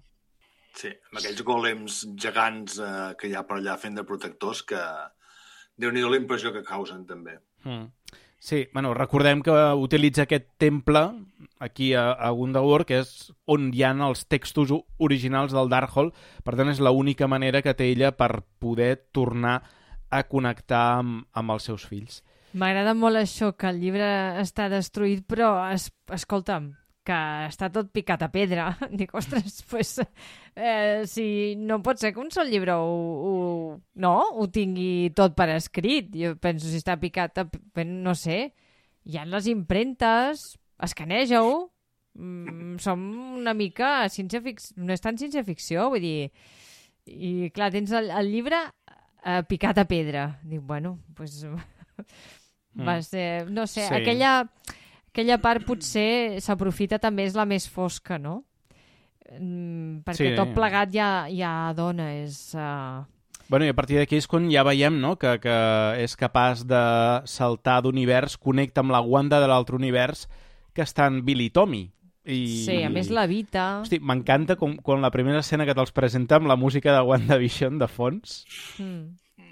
està molt bé. De totes maneres, no sabem aquests nens, perquè això sí que no ens ho expliquen. Mm, Pobrets, quin Eh, espant. qui, que... qui, si, si Vision és el seu pare o no, vi, on està Vision, o sigui, perquè, No, no clar, hi és, el pare. allà els nens són reals i no són no semblen creacions d'ella com a WandaVision. Home, WandaVision És- tampoc ho, ho semblaven, fins que no creixien de forma exponencial. Ja, però aquí no us sembla que sigui un encanteri, almenys a mi em va donar aquesta sensació. És que aquí el tanto és un dels tons foscos de, o una de les coses fosques que queda de tot l'argument.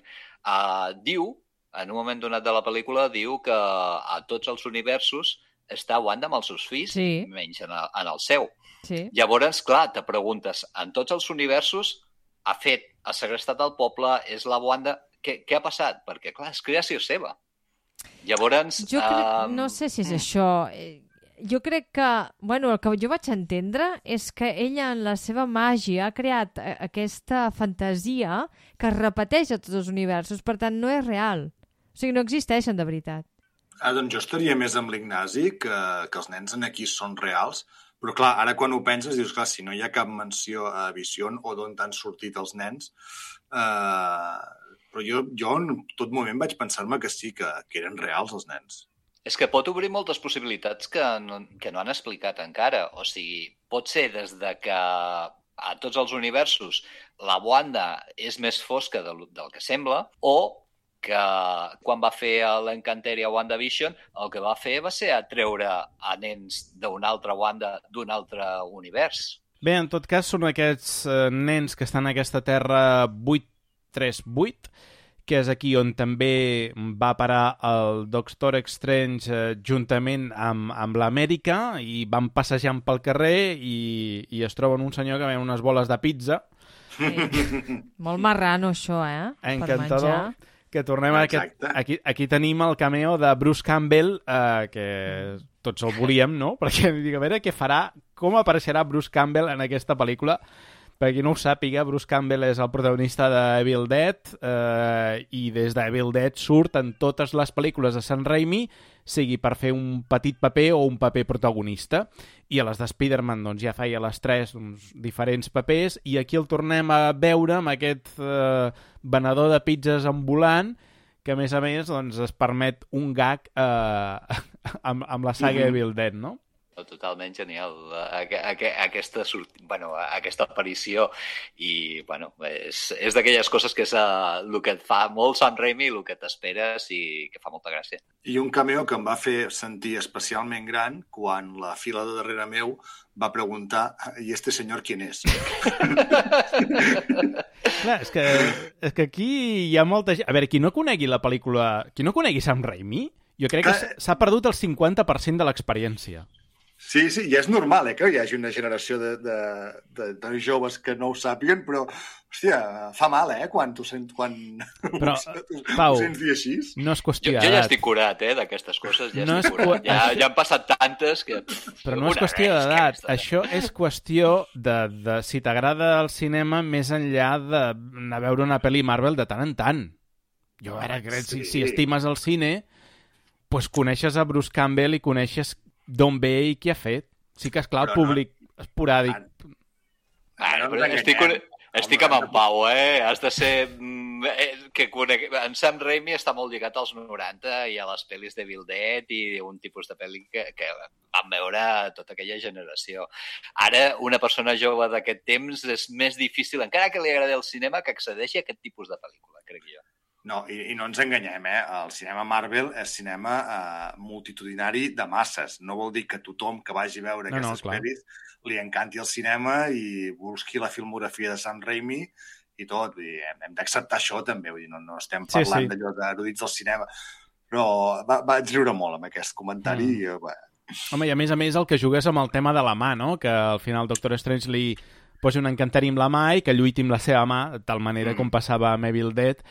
I, bueno, ja ho diem, no? I, i l'escena acaba i culmina en la segona escena postcrèdits, que la segona escena pos- postcrèdits és una continuació o el final del gag del que veiem aquí.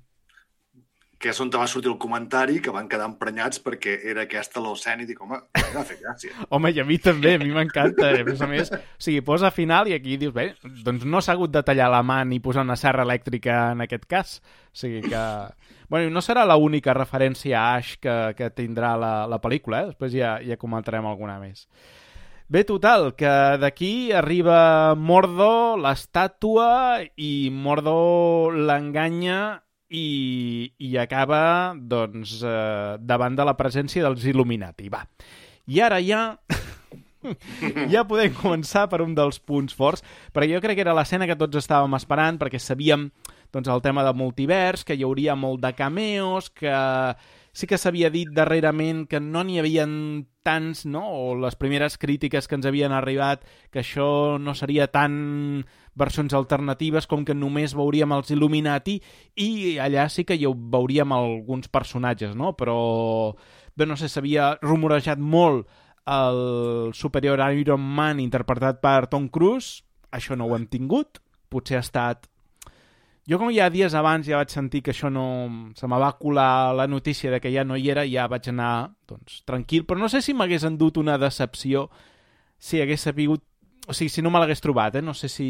Quin ha estat el vostre... Això ni ho hem tingut ni ho tindrem. Jo crec que uh, Tom Cruise com a Iron Man superior no, no ho veurem mai. Vull dir, és d'aquelles coses que han anat sortint per internet una vegada i una altra i que sembla que ja siguin realitat i que siguin veritat quan jo crec que no ho veurem. És que ja, és, és el que deia abans, hi ha una de soroll tan impressionant a les xarxes, hi ha una sèrie de coses que la gent dona per certes que, que s'han inventat i que no són pas veritat, que després passa això, que van a veure la pel·lícula, s'esperen aquesta sèrie de coses i encara molta gent es frustra i acaben dient, doncs no, no, és que clar, m'esperava més, però el que, el que s'esperaven són focs d'artificis que estan veient per les xarxes i que s'està muntant la gent entre si mateixa eh, que és el que ha passat amb això d'en Tom Cruise, crec jo. Sí, sí, no, al final estic d'acord. Bé, jo ja amb els Illuminati que hem tingut jo he quedat eh, bastant més satisfet, sobretot amb un, particularment. Jo n'hi ha un que quan he sapigut qui era, perquè no vaig saber qui era fins després, vaig pensar en tu. Sí, no, i a més, jo, bueno, ho diguem ara, han tingut uns ous eh, quadriculats. Clar, dius, allò semblava Star Trek, gairebé. Veus per això? Vaig pensar en tu. Clar, clar, clar. Dius, bueno, te- tenim els dos capitans i a més una estrena sèrie i l'altra acaba temporada la mateixa setmana. Dius, hòstia... Bé, estem parlant de Patrick Stewart, que interpreta a Charles Xavier una vegada més, una vegada més el maten. Jo quantes vegades han matat el professor Xavier? Ja, ja prou, o sigui, cada pel·lícula que surt... Bueno, els còmics també l'han matat moltes vegades, no? L'han I amb, les ressuscitat. notes mus I amb les notes musicals de la sèrie dels 90 dels X-Men, de Sí, dibuixos. perquè la cadira que porta és la mateixa cadira de rodes de, de la sèrie animada dels 90, d'X-Men, la groga. Exacte. cosa que havíem vist en el tràiler i em va saber greu que ja ho haguéssim vist. Ja, sí, sí, ja tu ho havies vist. El Patrick Stewart, el pobre, ha dit jo, en aquella cadira no, no m'hi acabava de veure segur, Home, eh? és que a veure... Patia per la seva integritat. sem- Semblava el, el tac-tac aquests dels bebès per aprendre a caminar, una cosa molt enxubada. A mi no em va agradar gens, poc elegant, sí, no? poc, no Però sé. has de venir de la sèrie d'animada. Ja, ja, ja. Ha, vol- han fet el joc, ha quedat, ha quedat fantàstic que fessin el joc i tal, però sí, sí, semblava, jo que sé, l'auto de xoc o... Sí, sí, sí. O alguna així. Sí, és que, sem- que, que l'havien no? que l'havien entrat a, a, a, a, a coll. Clar. O sigui, que l'havien agafat no? com un... Aquí, algú que no ha vist la sèrie de X-Men pues, pues tindrà la reacció que tens tu. Ara, nosaltres tres, suposo que, bueno, Però quina vam treure el necessitat? cava només sortir del cinema Sí, i, però i quina vam brindar. necessitat hi ha de... Pues cap, però mola, i ja sí, està. molt- va. Exacte. No, no, És el resum, està. totalment d'acord. ja. I, i l'altre és eh, Black Bolt, Rayo Negro, el del líder dels Inhumanos, que dius, agafen el pobre actor Lanson Mount d'una sèrie horrorosa i el fan interpretar el mateix paper, no aquella versió del personatge, perquè era, era un desastre aquella versió i la sèrie i tot, però està, mo- és com una redempció, jo penso, per, per ell, no? Dius, no, ara faràs aquí, el faràs dignament, encara que ens riurem de que portes una forquilla al cap, no? Vull dir que... A veure, jo crec que aquí ha passat molt desapercebut aquest personatge i que la gent, o sigui, mm, l'ha trobat com a, a anecdòtic quan en realitat sabem que no hauria de ser-ho. Però, mm, clar, és que pobret fa poca cosa i, i les que vaixinen aviat. Però ha quedat com una miqueta allò... Els altres l'han eclipsat, diguéssim. Sí, potser perquè la gent, clar, ni, alguns ni recorden que va haver una sèrie d'Inhumanos i a més a més aquí, com que Quina porten... sort que tenen. Sí, com que jo no vaig veure un primer capítol i vaig, vaig dir fins aquí, ja no, no, no penso perdre més el temps. Uh, però allà no portava màscares, aquí sí que porta la màscara dels còmics, de fet, uh, Rayo Negro és un dels membres dels Illuminati dels còmics, no? Aleshores, per tant, està bé que hi sigui el personatge Mm. i és com anem a redimir el- l'actor, perquè l'actor és molt bo, ara està fent uh, Star Trek Strange New Worlds, ha fet de Capità Pike, vull dir que Hosti, és que, clar, és que és... Uh, és un- una col·locadeta d'ull, no? I, I allà fent també en Patrick Stewart, dius, és que és, que és, clar, és que és una broma molt divertida. Està molt bé. I en John Krasinski, que és el que el Red Richards que tothom demanava. Sí, sí? Això és un fancast, però total, eh? Però creieu que tindrà continuïtat o no? No ho sé. No sé, jo ho dubto, però... Però, però, però, si l'han contractat, ja a partir d'aquí estan les portes obertes per tot. Clar, és que li queda bé, a més a més, el personatge. No, li És queda- que li queda fantàstic. Clar.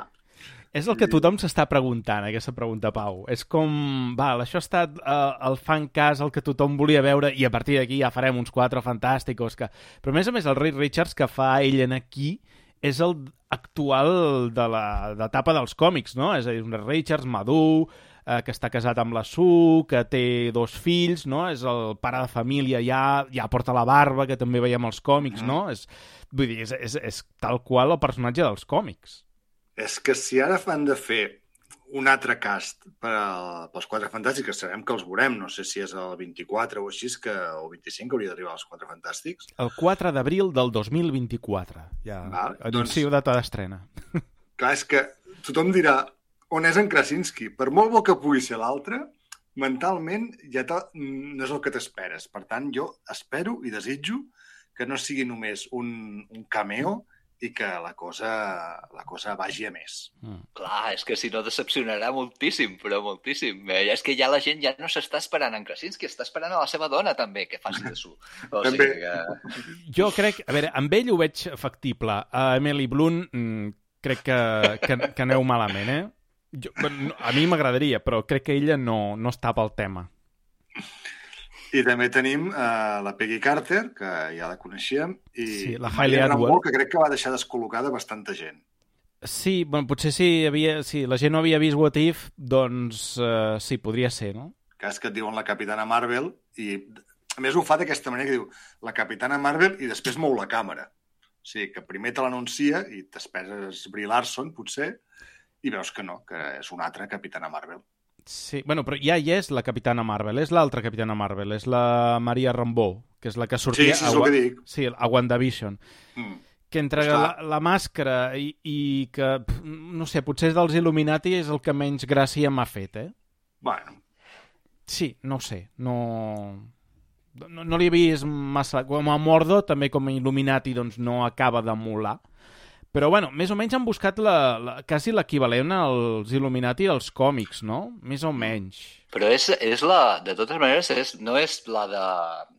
No, no confonem amb la Mònica Rambó, que és la filla. És la mare. Sí, de sí. La... És la Maria. Vale, vale. Sí, la Camora, WandaVision. La Camor, la Camor. Sí, sí, sí que és la, la mestra, podríem dir, de, de... Bueno, mestra o... Sí, de Carol Danvers, no? A la pel·lícula de Capitana Marvel. Sí, a mi m'ha semblat un joc fantàstic, com que als 80, doncs, durant molt de temps va ser aquesta la Capitana Marvel que hi havia en els còmics, jo crec que, bueno, també han volgut jugar amb això i li han donat aquest nom al personatge, està molt bé. mhm. I Jo, eh, a banda de tot aquest fancast, i que ara estava pensant, Pau, que aquesta persona que vas sentir dient i aquest qui és, i no, i no, i no fan cap pregunta de qui són els Illuminati, o sigui, ningú reacciona a això, vull dir, eh, perquè és tot curiós, no? Aquella Clar, perquè escena... són personatges de còmic que ja... que tant no hi fa si els hi són o no, però aquest és un tio que li dediques una escena que porten 10 minuts esperant. Sí, bueno, i per perquè, i perquè va a la sala segurament algun comentari devia haver, no? De dir, ah... Vull dir que ja sabíem qui, qui era. En canvi, jo aquesta entrada dels Illuminati, ostres, la vaig trobar un pèl ridícula, eh? És el que menys m'ha agradat de la pel·lícula. Ui, doncs no, no, no, no. Totalment en desacord. Un momentàs. Si vau sentir aplaudiments, era jo. Ja No, no, jo, No jo igual, eh? Jo igual, jo ja dic, a mi me va encantar i ja dic, quan va aparèixer en Patrick Stewart amb les notes musicals de la, de la sèrie de dibuixos dels 90 dels X-Men, ja és que tenia la, la pell de gallina. Però jo crec que els xisclets a la sala se'ls endú Jones Krasinski. Sí, Eh? Sí. va, Sí. quina, que curiositat, és molt curiós. Ah, bueno, jo em vaig alegrar molt per, Perquè és un, veure la fan, Peggy Carter. és un fancast i, i la gent Sí, el volia sí. veure. I, i Però mira, ara només vull dir que no crec que en Krasinski faci els fantàstics. Va, No ja... ens treguis la il·lusió, Marta. Exacte. Fem, No, no, jo- fem jo- apostes també, jo- com, hem, com hem dit abans. Ah, Podem fer moltes apostes Ai, no ho sé, és que jo el veig moltes. que ell té molts projectes propis i, bueno, segurament s'ho passaria molt bé i... i... Bueno, això no ho s'ha sé, passat no ho sé, bomba no aquí. sé. Sí, Bé, sí. per cert, parlant del tema dels Illuminatis, que clar, aquí entra Wanda i els mata a tots. Que aquí, és, Ara. aquí és el, el, el, el tema, que els mata a tots, però Sí. no els mata de manera qualsevol. És a No. dir, els mata de la manera Sam Raimi, eh, amb una sèrie de morts molt bèsties, Mhm. I, i aquí és on diem que el PG-13, com que la línia és Mm. complicada, perquè sí que t'atreu, per exemple, quan empalen no? la Capitana Marvel, que és eh, la Capitana Carter, que és aquest moment que bueno, me recorda la mort del, del Duende Verde, no? de William Dafoe a la primera de Mhm. Spider-Man, aquí és que la secciona, o sigui, la, la, el seu cos... Però tu no ho veus, eh? No, no, però queda, te queda claríssim. És Sí. a dir, no ho veus, però et, queda molt clar que, Sí, sí. vaja, que l'ha tallada per la meitat, de manera literal, igual que... I a la Capitana Marvel li tira una estàtua no? per sobre i la Bueno. xafa. No ens oblidem que veiem el cap de Rayo Negro explotar. Oh, Ah, sí, sí. Clar. sí, sí. Sigui, que aquí és quan... Sí, És el perquè primer se'n i passa obres els la, ulls. les seves paraules, no? Sí, sí, mai més ben dit. To Bueno. Totalment genial, aquestes escenes, Sí, sí, i totalment sí. genial com, com, com treuen a la gent de, ah, no, la Marvel Disney, no sé què, genial. sí, perquè Sembla molt Sam Raimi i, i, i bueno, el que calia. No, No, hi ha... molt també. No hi ha misericòrdia, eh? No. Sí, sí. Sí, sí, seria Invencible o Gartenis o, o Sam Raimi. Mm, Sam Raimi sí, sí, total. Clar, aquí, aquí ve precedit d'aquell moment, aquell flashback, no?, que hem vist que aquests Illuminati van matar el Doctor Strange d'aquell univers i va ser el propi Black Bolt, no? el Rayo Negro, dient unes paraules i, i van morir de, de manera també super cruel. No? Vull dir que aquests Illuminatis, molt bona gent, tampoc són, eh? I hi ha una escena, jo crec, boníssima, boníssima, la, la de Patrick Stewart, el professor Xavier, entrant al cap de Wanda, eh, Ah, intentant doncs, trobar la veritable Wanda en aquell moment de pantalla blanca i ell està en una cabana en plan Evil Dead total o sigui, aquell moment és també fantàstic, és intenta treure-la de, de la cabana en el que No, és- està i... i... És com una alegoria del subconscient, no? Sí, sí, però és una cabana Evil Dead, és a dir... A veure, la manera com la Wanda surt a- amb la mà I tant! és, és Evil Dead. O sigui, és que no et diré que és el mateix plano, però, però quasi. El mateix o sigui, plànol el veurem més endavant. és, és, és, flipant. És brutal. No sé, aqu a mi aquella escena onírica dintre el cervell m'encanta, m'encanta, perquè també veus que aquí perd uh, Xavier i, i per tant Wanda queda soterrada uh, per sobre d'aquesta Wanda malèfica posseïda per al Darkhold. I déu nhi com acaba també l'escena amb el clec de Xavier. Sí, sí, sí, sí. Bueno, aquí- és que jo crec que aquí aquest, aquest, tots aquests adjectius de Wanda malèfica, posseïda, um, jo crec que és que la bruixa escarlata té poders, els reconeix i els utilitza. I ja està, sense cap vergonya ni complexes. I els utilitza. També pots pensar que com que està en un univers alternatiu, que si ella mata és com si no matés... eh, Crec que no, eh? No, però tu com a espectador Tu, sí. bueno, és a dir, que vulguis, no estava, però- no, a veure, és fàcil matar aquests personatges perquè no són les versions canòniques de l'univers eh, 6 o 6, val? és a dir, de, de l'univers de, de l'MCU, digue-li com vulguis ara, no? Eh, Per tant, és fàcil matar aquests personatges i que, bueno, pues no passa res, bueno, no? a l'actriu Perquè... no li va ser fàcil. No, no, m'ho imagino. Perquè... Uh, no, a l'inici va ser... Vull dir que com a espectador ho pots pair millor. Bueno, ja, ja, ja no havia sé, parlat a molta gent, eh? Abans, de, en el nostre univers, bueno, l'univers 6 o 6, i ara, entre segrestament, ja, ja se, li, se li acumulen els delictes, crec jo, eh? Però no hi ha jutge. No, no, no. No sé, no sé eh, si voleu comentar alguna cosa més a tota aquesta part brutal. Vull dir, aquí sí que és Ell- una... M'agrada molt que la Elisabeth Olsen explica que aquesta doncs, va ser... Ostres, va ser dura, aquesta escena, perquè, clar, carregar-se uh, aquest, aquests actors, no? aquestes actrius, va dir, en sèrio, quan va llegir el guió, haig de fer uh, tot això, i va dir, com, com, clar, com et mentalitzes com a actriu per ser, perquè és, per, per ser versemblant, no? El que estàs sentint i com estàs actuant. És, uh, bé, és que el Doctor Strange no m'ha volgut escoltar. Per tant, jo arraso. Ell no m'ha volgut escoltar i aquestes són les conseqüències. I... Bueno, i la de Reed Richards també en plan espagueti és, és brutal, eh? Vull dir, és com... mm, sí, sí, però ell ja ho fa, això, no? Que s'allarga Sí, però clar, no, no, no d'aquesta no manera. En fi, i aquí ten, ten, tornem a tenir a la Christine, no? Se'ns presenten a la Christine de- d'aquest univers que, bueno, intenta reconnectar-hi ell amb ella eh, a través d'aquesta versió. Està molt bé, m'agrada el rotllo que tenen. Sí, i a més t'explica d'una manera molt fàcil, t'anomena els universos i te situa eh, a cada lloc. Com Mm. que se suposa que és un univers on te, el tema... Bueno, aquí ja sentim a parlar de les incursions també i tot. Sí, al Ah. tanto, eh, això, aquest tema. Que... Sí, però ja en teníem a parar. La paraula incursions es repeteix moltes vegades en aquesta pel·lícula. Correcte, per tant, suposem que eh, tindrà recorregut la cosa. Sí. Eh, per tant, a veure com hi anem a parar. Però està bé perquè, com que és un... nosaltres el multivers, per dir-ho així, tot just l'estem descobrint, ells, en canvi, ja porten temps estudiant-lo, per tant, simplement t'expliquen el que ells ja saben i et serveix per col·locar-te. Molt bé. Sí, Aquí ens podem arribar a imaginar que el tema d'obrir els multiversos és perquè volen arribar a adaptar la Secret Wars de Jonathan Hickman i jo crec que el que surti aquesta paraula pues, clarament, crec que en un moment o altre ens conduirà aquí. Sí, sí, és que, és que ho van pensar tots.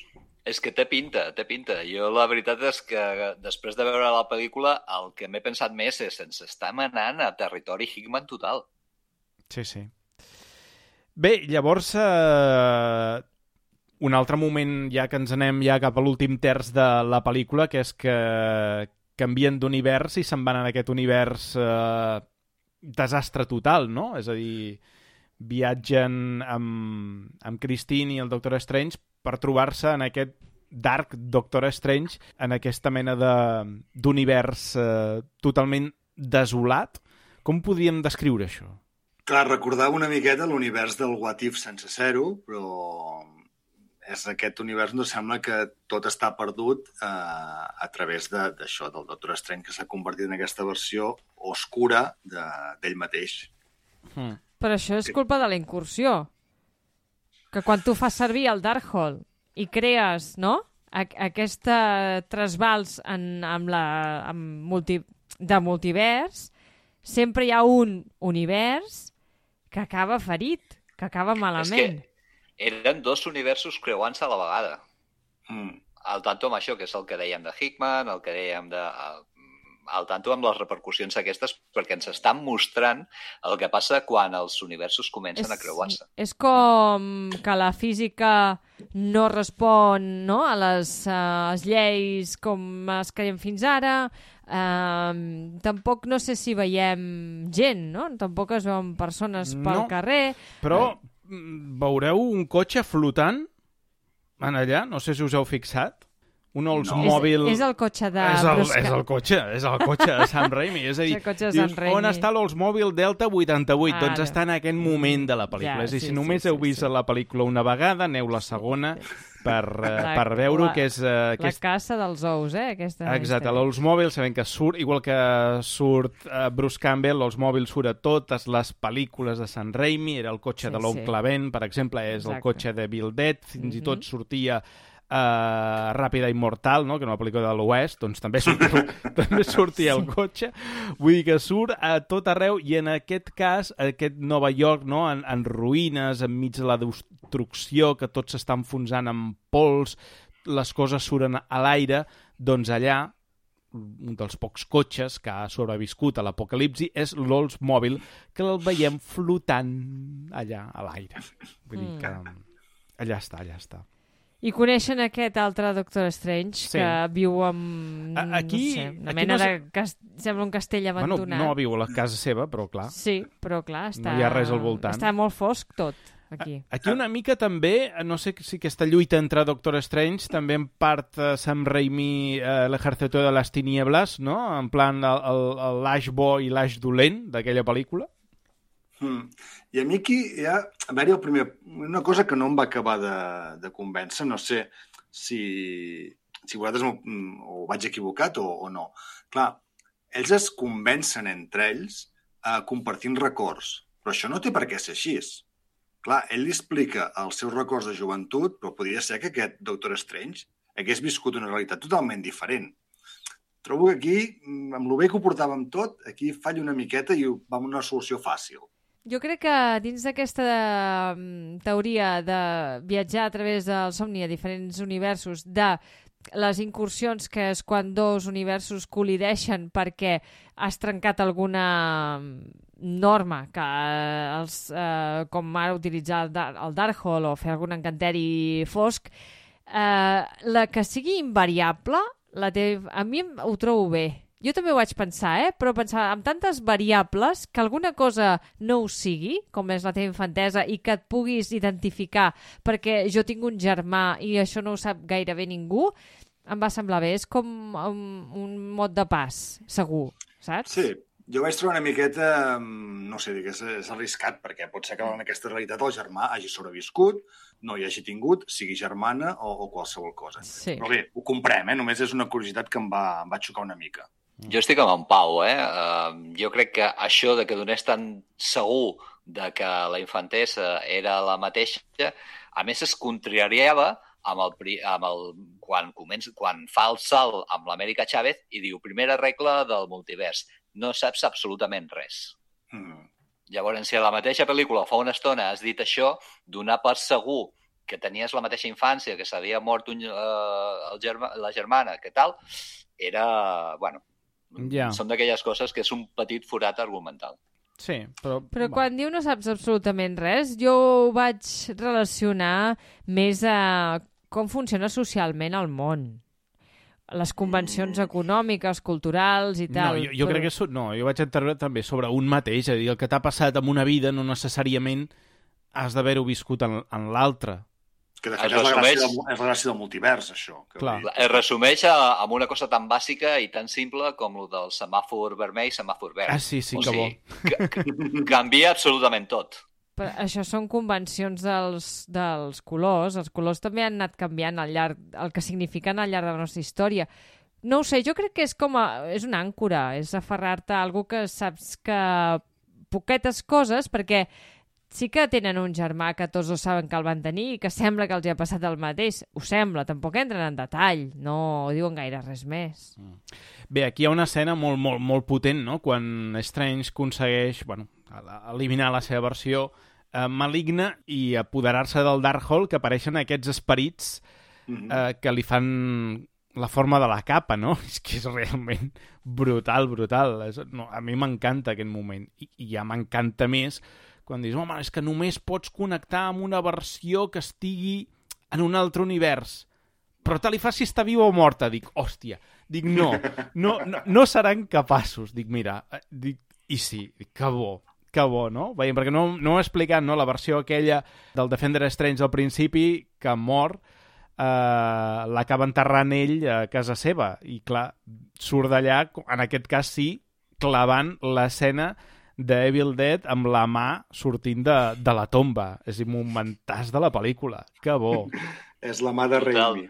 totalment genial, eh? Ha sigut totalment genial. Jo allà ja estava disfrutant al màxim i dic, però és que què més pot, pot passar en aquesta pel·lícula? És que no se li pot demanar més. Eh, eh, totalment increïble. Sí, sí, sí. A més a més, o sigui, eh, i tots ho sabíem que hi hauria algun zombi perquè ho havíem vist en el tràiler, que... però que el fessin servir tant i d'aquesta manera, realment jo no m'ho esperava i va ser, vinga, va. jo em pensava que tot. aniríem al, a l'univers dels Marvel Zombies Exacte, sí, sí. Sí, sí. sí. però això no ho esperava i crec que és molt millor això Sí, sí, sí, sí, sí. totalment d'acord. És així. És més, quan, allò, quan diu això i diu no, i, i, i bueno, i expressa la, de que no ha de ser viu, la, a la versió seva del Doctor Strange i tal, me vaig quedar pensant, i quina? I no, no queia que al principi de la pel·lícula doncs hi havia aquesta versió de l'univers alternatiu que estava ja enterrada. I, I- I això és, un, és totalment brutal. Després ho lligues i dius, ostres, sí, genial.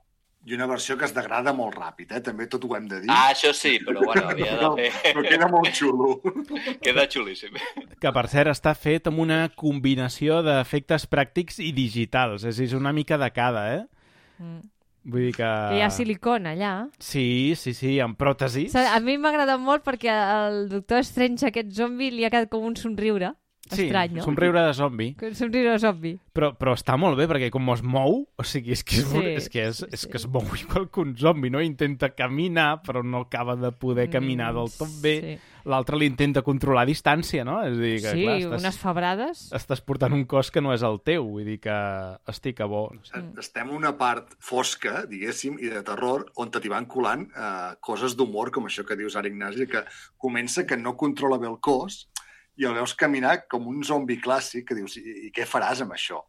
I veus que a poc a poc li va agafant una mica el ritme i, i, i l'acaba controlant del tot. Però fins i tot en aquest tros, que és el més fos de la pel·lícula, tens eh, aquest humor de, de Sam Raimi que t'hi va ficant. Clar, és el que hem dit. Eh? Eh, De quina manera evites la classificació R? Doncs d'aquesta manera. Sí, que es queda la Christine per um, guardar el cos.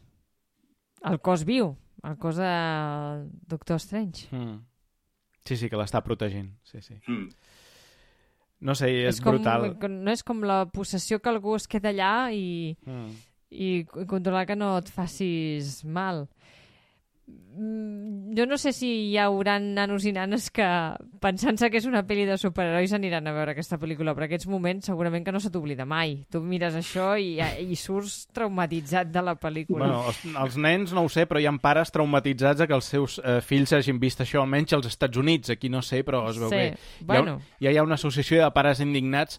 Ho dic perquè aquesta pel·lícula normalment hauria de tenir un 99% a Rotten Tomatoes i, i té una mica menys i, i és per aquestes coses. És per Ja. aquestes coses que hi ha molta gent conservadora i fins a, saps, allò que pel·lis de terror, eh, doncs no. I així està. També la informació existeix i potser, bueno, veure què passa abans de la pel·lícula i cap aquí va destinada també va bé. No crec que sigui totalment culpa de la pel·lícula. Tu ja saps al, al que vas. Segurament, eh, Marcel, els nois i noies no tenen cap problema. No.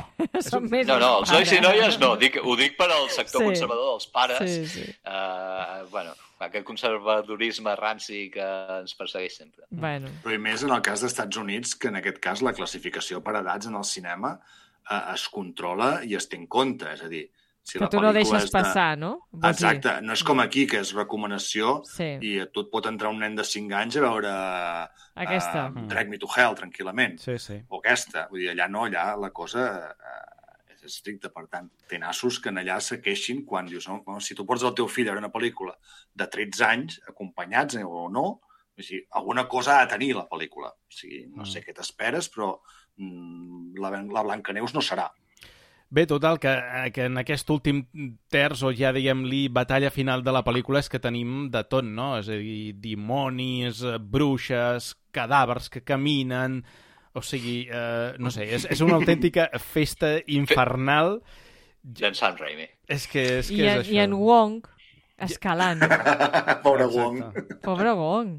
Sí, sí, sí, sí. sí, sí Sempre no. arribant en el moment just, eh? Per això Hmm. m'agrada molt. Sí, sí.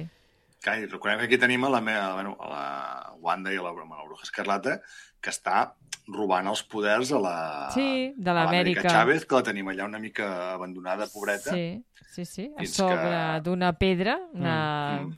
Que jo crec que al final, aquí, si hagués volgut la, la Wanda, se n'hagués sortit amb la seva. Sí. sí, sí. Sí, sí, sí. Clar, ja... Que hi ha, bueno, hi ha aquella escena tan potent que encara no hem arribat. Sí, bueno, si voleu la comentem ja, no? És a dir, quan... pràcticament jo diria que quasi la batalla està guanyada per Wanda, però quan està allà en la lluita, no? Ha posseït a la Wanda amb els nens, de cop i volta deixa de ser ella perquè està lluitant, no? O sigui, i, i veiem com els nens veuen que no és ella i, i li tenen por. Hòstia, també és un gran moment de la pel·lícula, que és quan És ella fa el manera... clic.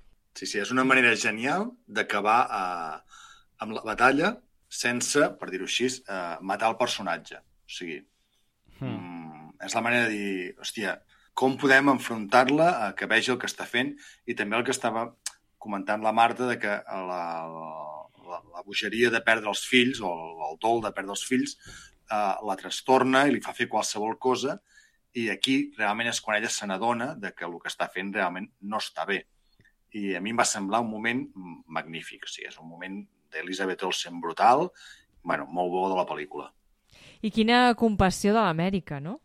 Perquè fa un moment estava al punt de ser xuclada per la bruixa escarlata i, en, i, e- i ella creu haver trobat la manera de la transporta fins a aquest univers en què la Wanda és la mare i s'enfronta al mirall d'allò que vol, però eh, davant de la visió que tenen els altres d'ella, que hi són els nens, no? I, i clar, això, això com, com a pare i com a mare, que els nostres fi els fills ens fan de mirall, és que és això. Tu veus en l'expressió dels teus fills quan de vegades eh, t'has extralimitat o fots un crit que no ha de ser o... I en aquest cas aquesta escena diu que sí que és de les pitjors, pitjors que ho va passar perquè no sé si per tensionar, o sigui, per arribar a aquest punt de tensió, perquè els nens tenen aquesta mirada eh, espantadíssims, estan eh, aterrits. Eh, es veu que el, els hi, li tiraven coses no? a la- a l'Elisabeth Olsen um, a l'actriu. I en, en aquell moment es veu que una de les coses li va rebotar, li va fer mal i els nens es van at aterroritzar. Vull dir, es van espantar i ho van aprofitar uh, per l'escena i ella com a actriu, però diu que ho va passar molt malament perquè se'ls estima molt. I no... Bé, que sí, que, que aquesta ha estat de les pitjors escenes per, com a persona, diguéssim, per fer.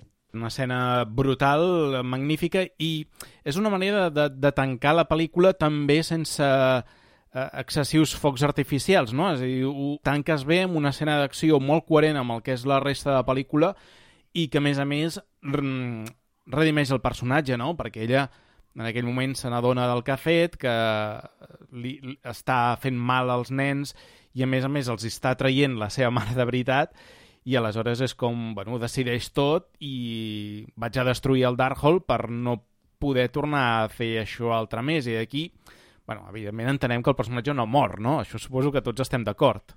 Sí?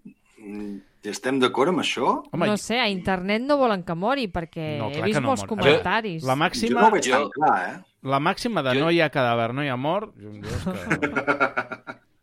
Jo ja... jo- és el que deia, ja quan comentàvem WandaVision vaig, vaig dir que la, crec que la, la, la Wanda seria una de les amenaces grans, grans, grans de tota aquesta fase. Al veure aquesta pel·lícula, poder el recorregut s'ha acabat aquí, però no ho sé. És mm. que jo crec que encara pot ser una de, amenaça molt afegida, bueno, una amenaça afegida de tota aquesta fase. Jo... Més sabent que hi ha diverses versions d'elles, que tot això dels fills, de que totes les versions tinguin fills, a mi no m'ha quedat tan clar, de que mm. les altres versions siguin totes bones. Jo, ara, si hagués d'apostar per alguna cosa, aniria en un moment de reconstrucció del personatge. És a dir, aniria en aquest moment que això ja ha passat als còmics, no? De que ella perd la memòria... La redenció. Sí, sí, no recorda qui és... L'ànima dels seus fills eh, no es perd, anirà parar en algun lloc, tal com passa a l'univers Marvel, i Billy i Tommy tornaran perquè hem de tenir el, els Jóvenes Vengadores, no? Young Avengers. Per tant, vull dir, aquests personatges Però... hi seran. Ah, però aquests sí que són molt petitots, eh? Per ser que són Wiccan i Speed, no?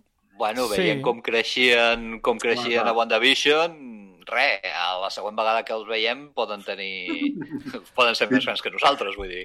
Sí, o poden ser interpretats per altres actors una mica més grans, perquè, de fet, en els còmics les seves ànimes dels nens, quan els nens desapareixen, van a parar a altres nens eh, reals. Aleshores, que... No, no són estrictament aquells nens... Que no fa gens de por, això, tampoc. No, no, però clar, són coses que, que ja veurem com ho agafen a, a l'hora d'adaptar un cine, no? Perquè sempre és diferent. I a mi faria gràcia aquests nens eh, de grans, no? Perquè, de fet, aquesta pel·lícula, si ja s'ha rodat després de WandaVision, potser ja han passat dos anys i aquests nens ara deuen ser ja una mica, no diré que s'afaitin, però bueno, que deuen estar en procés d'afaitar-se el bigot i si més no. Jo, si em fas apostar, et diré que no tornarem a veure a, a Wanda ni la Bruixa Escarlata. Crec que estem, entre cometes, netejant personatges per donar pas a nous personatges i és una bona manera de tancar el seu arc argumental, tancar el personatge i que vagi entrant sang nova. Mira, jo aquí apostaria, però tranquil·lament, perquè la, estic tan segur que tornarà que, que bueno, no sé. Això jo igual. Jo, jo, jo estic amb l'Ignasi i apareix sí o sí i a més quasi segur, perquè eh, jo crec que eh, el personatge aquest encara té molta força, encara té moltes coses a dir i és el que dic, és que a més hi ha moltes coses que encara no sabem, com per exemple lo dels fills de veritat d'aquesta terra, eh, cap a on han anat a parar, qui eren.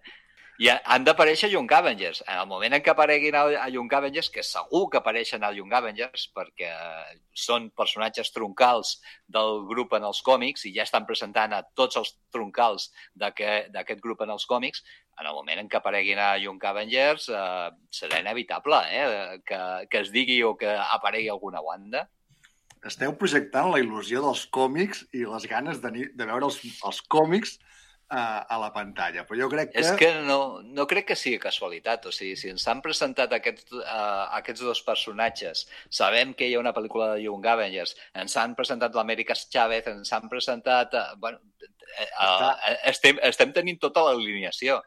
Llavors, si sabem que, que és que quasi segur que apareix. Però és que, és que compta amb els Young Avengers, què tindrem ja? Sí, uh, Ojo d'Halcón, bueno, la, el personatge de la Kate Bishop, a la Helena, a Miss Marvel també hi tindrem, tindrem Amèrica Chávez... Uh... I això si no tenim un Young Loki...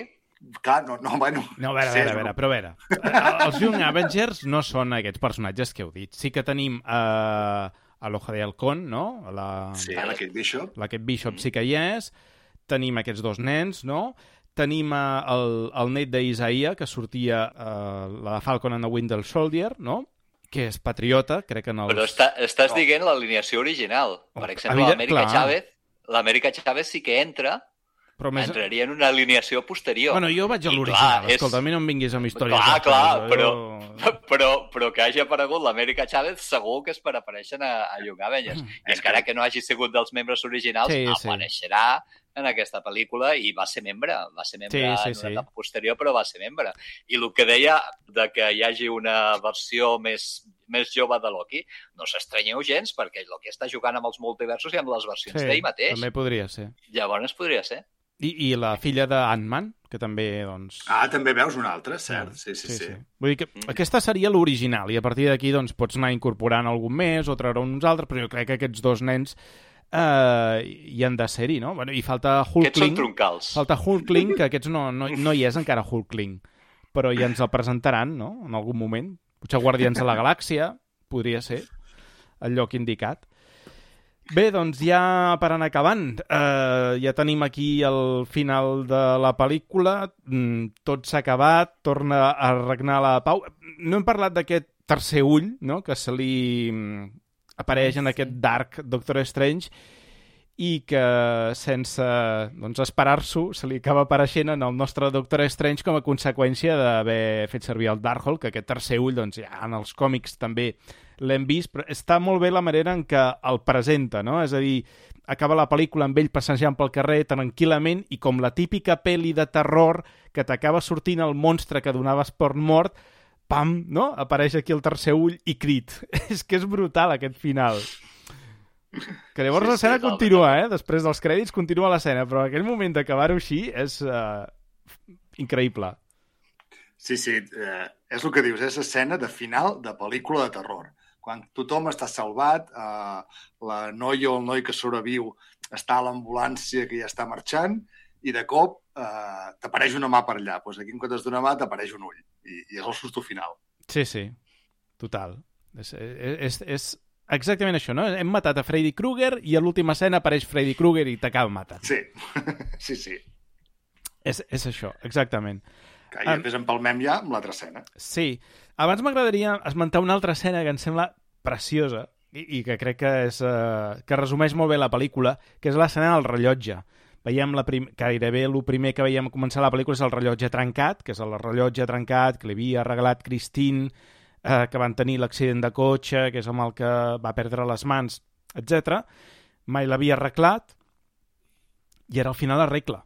Una metàfora de la superació de la relació amb Christine, de deixar-la anar, d'ella s'ha casat i jo tinc que tirar endavant, no? I és una mica el que també intenta fer aquesta pel·lícula, que és posar punt i final a aquesta relació per donar pas a la que serà la seva relació més consolidada de tota la vida, que quan jo, he de dir que no m'esperava aquest moment, apareix el personatge de Clia en l'escena postcrèdits.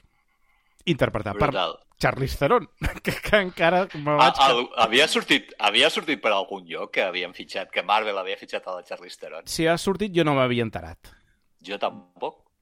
Igual que Curiós, eh, vosaltres, amb el eh? soroll que hi ha. molt.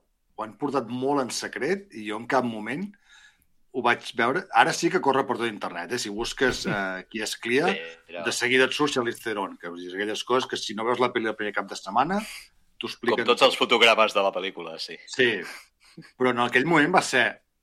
Oi, bo. I Ja, ja, és ja. molt sorprès. No, no, i a més, Charlize Theron, o sigui, tu ja veus que és Clia, però Charlize Theron, que dius, una actriu de, de primeríssim nivell, no? I va fitxar per Marvel i no ens hem enterat fins ara. Sí, sí. I aquesta sí que saps que tindrà continuïtat, perquè no la fitxes Sí, per fer només un cameo ara al final. sí, sí. sí. No, I que el personatge que han triat, Clea, clar, tindrà recorregut. Mm -hmm. No, no, molt clar. Ja és, diguéssim, bueno, està lligada amb Dormammu, no?, que apareixia a la primera pel·lícula, i acabarà sent l'amor de la seva vida. Vull dir que a partir d'aquí doncs, ja és un personatge clau i històric dintre de l'univers Marvel. No sé, jo... Aquesta escena postcrèdits, importantíssima. Sí, sí, sí, és d'aquestes que eh, de tant en tant ens va deixant anar Marvel que donen continuïtat al personatge o, o la història. I jo hi havia un punt que comptava, potser que amb aquesta la història del Doctor Strange no acabaria, però sí que s'aniria pues, posant una mica com a secundari i veiem que no, que tindrem nova pel·lícula amb ell com a protagonista i amb acompanyant en aquest cas. És que, de fet, està siguent el personatge central d'aquesta fase de l'univers Marvel. Sí, sí, sí, sí. Sí, és una mica vingut a substituir, en certa manera, Iron Man, no? Que era Sí. el, el Tony Stark qui ho lligava i, i ara és que és, ha estat present a totes les de Vengadores, eh, també a l'última de Spider-Man, és que és com que... Bueno, sí, va fent aquesta feina de, de lligar-ho una mica tot, no? Eh, Tot i que el Benedict Wong, que fa de Wong, diu que és ell el que fa aquesta funció. Però és veritat, ell, ell, a més a més, apareix a Shang-Chi. En Wong, pobret, el que dèiem, es mereix una pel·li, es mereix una pel·li en Wong. Quan tens un actor com en Cumberbatch és normal que el vulguin aprofitar i que sigui el, ara mateix el troncal. Mm -hmm. I amb això, doncs, eh, acabem ja la pel·lícula. Ja hem comentat la segona postcrèdits, doncs eh, ja està, no? És uh, Ash, és, perdó, Ash. Eh, el personatge de Bruce Campbell, doncs, que la, la mà s'atura i, i acaba aquí la broma i res, sí, fins aquí eh, la pel·lícula. No sé si voleu comentar alguna cosa més per eh, abans d'acabar. Sí, no hem comentat res de quan fa... La primera vegada que fa el salt al multivers, de la, amb l'Amèrica uh, Chávez, Sí. que hi ha diversos universos per on, per on passa. Sí, No, no heu vist, no heu vist l'Snyderverse per allà? perdó? Ah, Eh, eh, no, i, i passa molt ràpid, passa molt ràpid. Hi ha la de dibuixos, la de pintura, hi ha un amb unes tonalitats i un riure que sona de fons, que sembla el del Joker, que sembla l'Snyderverse, que em vaig quedar... Uala. que us dic que han fet una broma. Sí. No, no, Ara no m'ho faràs tornar a mirar amb calma quan la torni a veure, eh? Doncs fixeu-vos, fixeu-vos, perquè passa molt ràpid, però jo posaria la mà al foc, posaria la mà al foc, No sé. que, eh, que ha passat per l'Snyderverse. Bueno, una A versió... més, és que bueno, és una, seria- una escena la mateixa paleta de colors que fa servir l'Snyder i riu, un riure de fons que semblava el del Joker. Sí, hi havia Jared Leto per allà. Ni idea, algú que reia o que li feia molta gràcia a algú, però...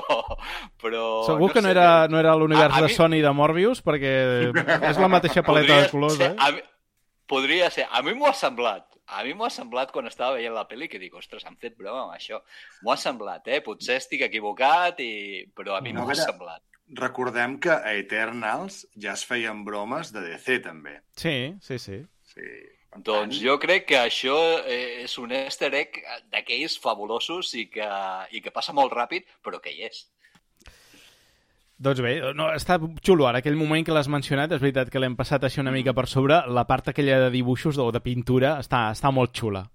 Jo pensava dir que a veure si fan aquí un com Spider-Man into the Spider-Verse, no? Que amb els dibuixos animats, que hagués molat també.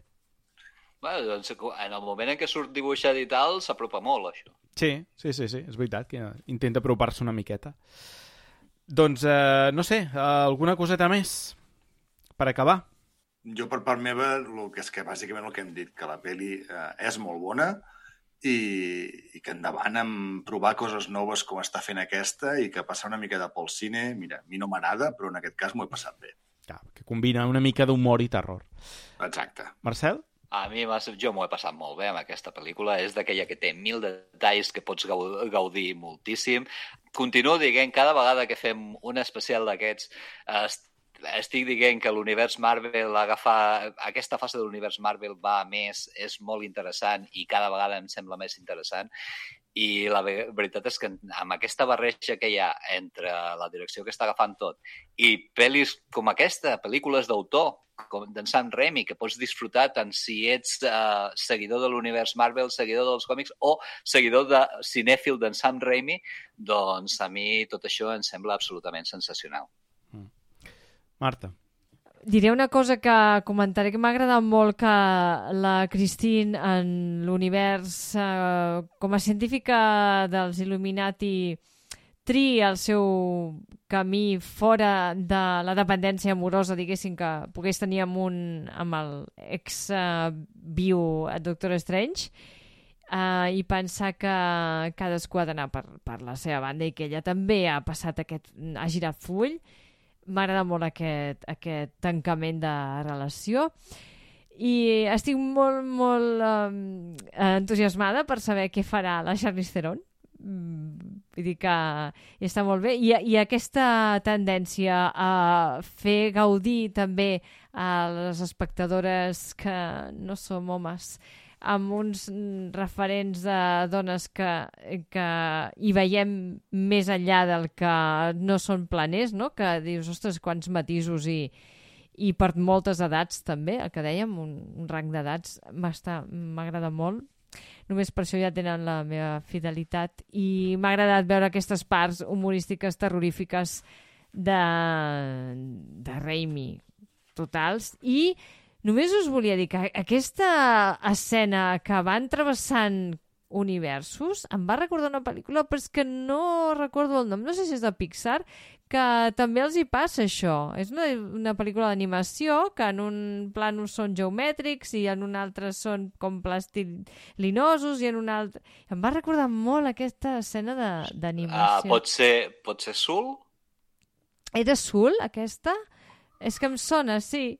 Sí, sí, que canviaven... És això, era com un fons blanc també i com si passessin en, o a estats eteris diferents, no? Sí, em sembla, em si no m'equivoco era Sul. Sí, si anaven no de eh? geomètrics a, a dibuixos a...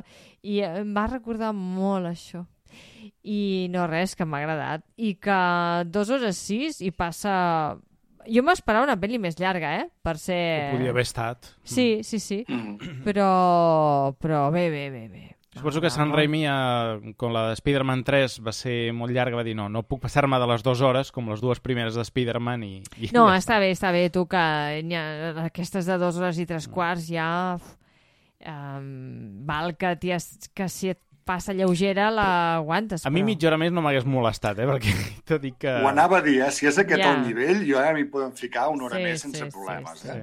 sí. Mm. Res, jo només dir, l'opinió de la pel·lícula ja la dic, no em repetiré, vull dir que ja m'ha encantat. Eh, només comentar que a vegades més cameos no és més, sinó menys cameos és més. Jo crec que en aquest cas hem sortit guanyant, perquè potser aquí el Tom Cruise fent d'Iron Man, no sé si li haguessin tret el profit necessari. Loki i Kang, que s'havia comentat que sortirien veient la pel·lícula, dius, no haguessin aportat res. Mm, i Loki, tal com va acabar la sèrie, com l'introdueixes aquí sense explicar alguna cosa en referent a la sèrie, aleshores potser t'estàs ficant en un jardí que no toca. Deadpool també és un dels que s'havia rumorejat que sortien, també se'm fa estrany, no?, ara pensar que podia estar-hi Deadpool aquí, per tant, ja estan bé amb els no, cameos que no hi ha hagut. entenc que parleu de coses que no són. O sigui... Bueno, és que es porta un any les xarxes parlant d'això, és que clar, és que... és, és com filosòfic, no? eh? Eh, Sí, sí, sí. és filosofia. Però- Al final, el no ser és ser. I, I que encara si- està parlant és que encara s'està parlant d'això, encara està sortint a les xarxes molta gent de que està decepcionada perquè... Per algo que no aquestes has- coses. que no ha sí, estat per mai. algo Que... Ah, exacte. És que us increïble. recordeu quan va sortir el primer cartell amb els vidres trencats? Sí. Que la gent hi veia Spider-Man, Deadpool... Que dius, Sí, sí. o sigui, a- això de vendre algo que no és eh, es porta fent tota la vida. El problema és que ara, amb la xarxa es magnifica de tal manera que tens centenars o milers de persones que veuen el mateix que tu quan no hi és. Però abans era un joc i s'especulava. Bueno, i, i també s'havia parlat, òbviament, clar, eh, sense Sam Raimi el director, que apareixeria Tobey Maguire fent de Spider-Man Sí, també. clar. Mare meva... Sí, sí. Però clar, dius, Sort ara, que no llegeixo res de Twitter d'això. a o mi sigui, m'hagués encantat, o m'encantaria algun altre dia, veure a Sam Raimi dirigint a Tobey Maguire fent de Spider-Man, Segur però que aquesta... el veuràs, perquè la quarta segur que la farà. Però, ah, tant de bo sigui així. Però, a... I, I Sony faci això i no faci la merda que està fent. Però... No, no, és que Si clar... la fa Sony, ja saps que serà una merda, també. Eh? No, no, bueno, no, però clar, a veure, clar, hem de dir que aqu aquella Sony, eh, Kevin Feige, estava de productor. També Ja, ja, clar. Ja. La cosa canvia. Amb Respecte a Morbius, lo que és no. ara. Per això, ja sé, ara m'ha canviat el tema, per això Andrew Garfield, quan li han dit de fer Amazing Spider-Man 3, diu, de fer Sony? Doncs pues mira, no. clar, és que... És que... Sony és qui fa Venom? Sí, clar. Andrew Garfield és un tio intel·ligent i, i sap on, on ha d'anar, on no ha d'anar, Bueno. i amb l'edat, amb l'edat ha guanyat experiència. Sí, i també pot ser que tingui ara la solidesa de descartar papers. Mira, si tornem a veure Andrew Garfield fent de Spider-Man serà amb una producció de Marvel Studios de Kevin Feige, no de Mm, Sony. Ja ho dic sí. ara. Bueno. Dit això, uh, parlant de Kevin Feige, una frase que ha dit que m'ha fet molta gràcia, que diu que ell era un jove productor en el moment de Spider-Man que es considerava afortunat per compartir habitació amb Sam Raimi i que ara és un vell productor que se sent afortunat a compartir la mateixa habitació amb Sam Raimi. Mm, sembla que estigui en un geriàtric. Bueno, no, però clar, han passat mm, 20 anys i, i, Sí. i això. I I sobre, les fi- I sobre les filtracions, Kevin Feige, ara que hi estem posats, diu que que avui en dia és impossible evitar-les, és a dir, que ja ho hem vist, no? Vull dir, que la gent té aquesta mania de fer fotos en el cinema i... Ah, però les filtracions un cop estrenada, anava a dir prèvies, ho han fet força bé. Sí, bueno, no ha estat com a Spider-Man No Way Home, però bueno, no sé si també referència a això, ho dic perquè, clar, No Way Home sí que ha estat una passada en, en, en quant a filtracions. Aquí no hi ha hagut imatges, o les que s'han vist d'imatges ha estat quan ja s'han començat a fer els primers passis de la pel·lícula, que també ens ho fem mirar, no? La gent que fa fotos les penja a les xarxes quan la pel·lícula encara no s'ha estrenat. Mm. És, és ganes de tocar la pera. Jo crec que arribarà un moment que quan algú vulgui fer una foto amb el mòbil de la pantalla de cinema, li enviarà una descàrrega elèctrica i electrocutarà Sí. la persona Pues, directament. pues estic molt a favor de que això passi. O com en San Re, o a l'estil San Raimi, que li tallin la mà. Que li tallin la mà, caigui i que ja t'exploti cap cap, no?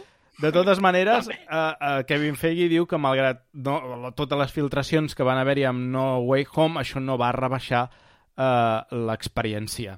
És veritat, no la va rebaixar.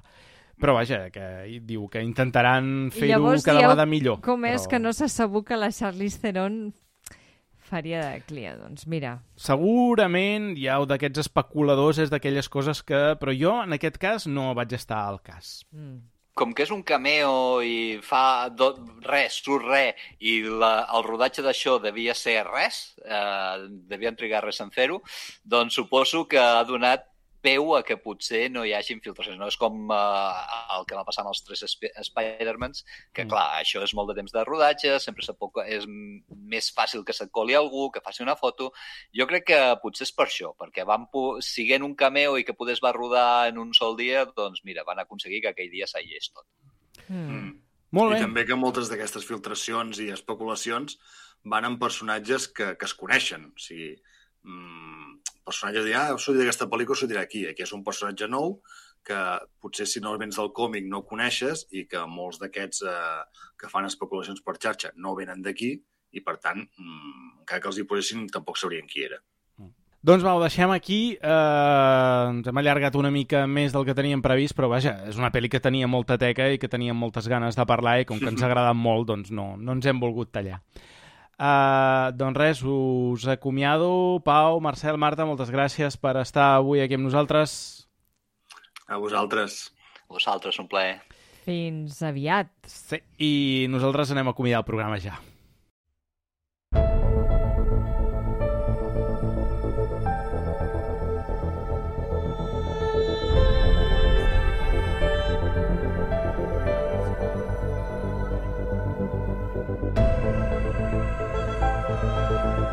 I fins aquí el programa d'aquesta setmana. La música que heu escoltat avui pertany a Epic Soul Factory. Qui us parla, l'Ignasi Arbat, m'acomiado de tots vosaltres. Recordeu subscriure-us al canal de podcast a iVox i feu un m'agrada en aquest àudio, encara que ens escolteu per alguna altra plataforma. No us oblideu també de visitar la nostra web ningunoesperfecte.cat. La setmana que ve més Marvel, però en aquest cas a la llum de la lluna. Cuideu-vos moltíssim, ningú no és perfecte.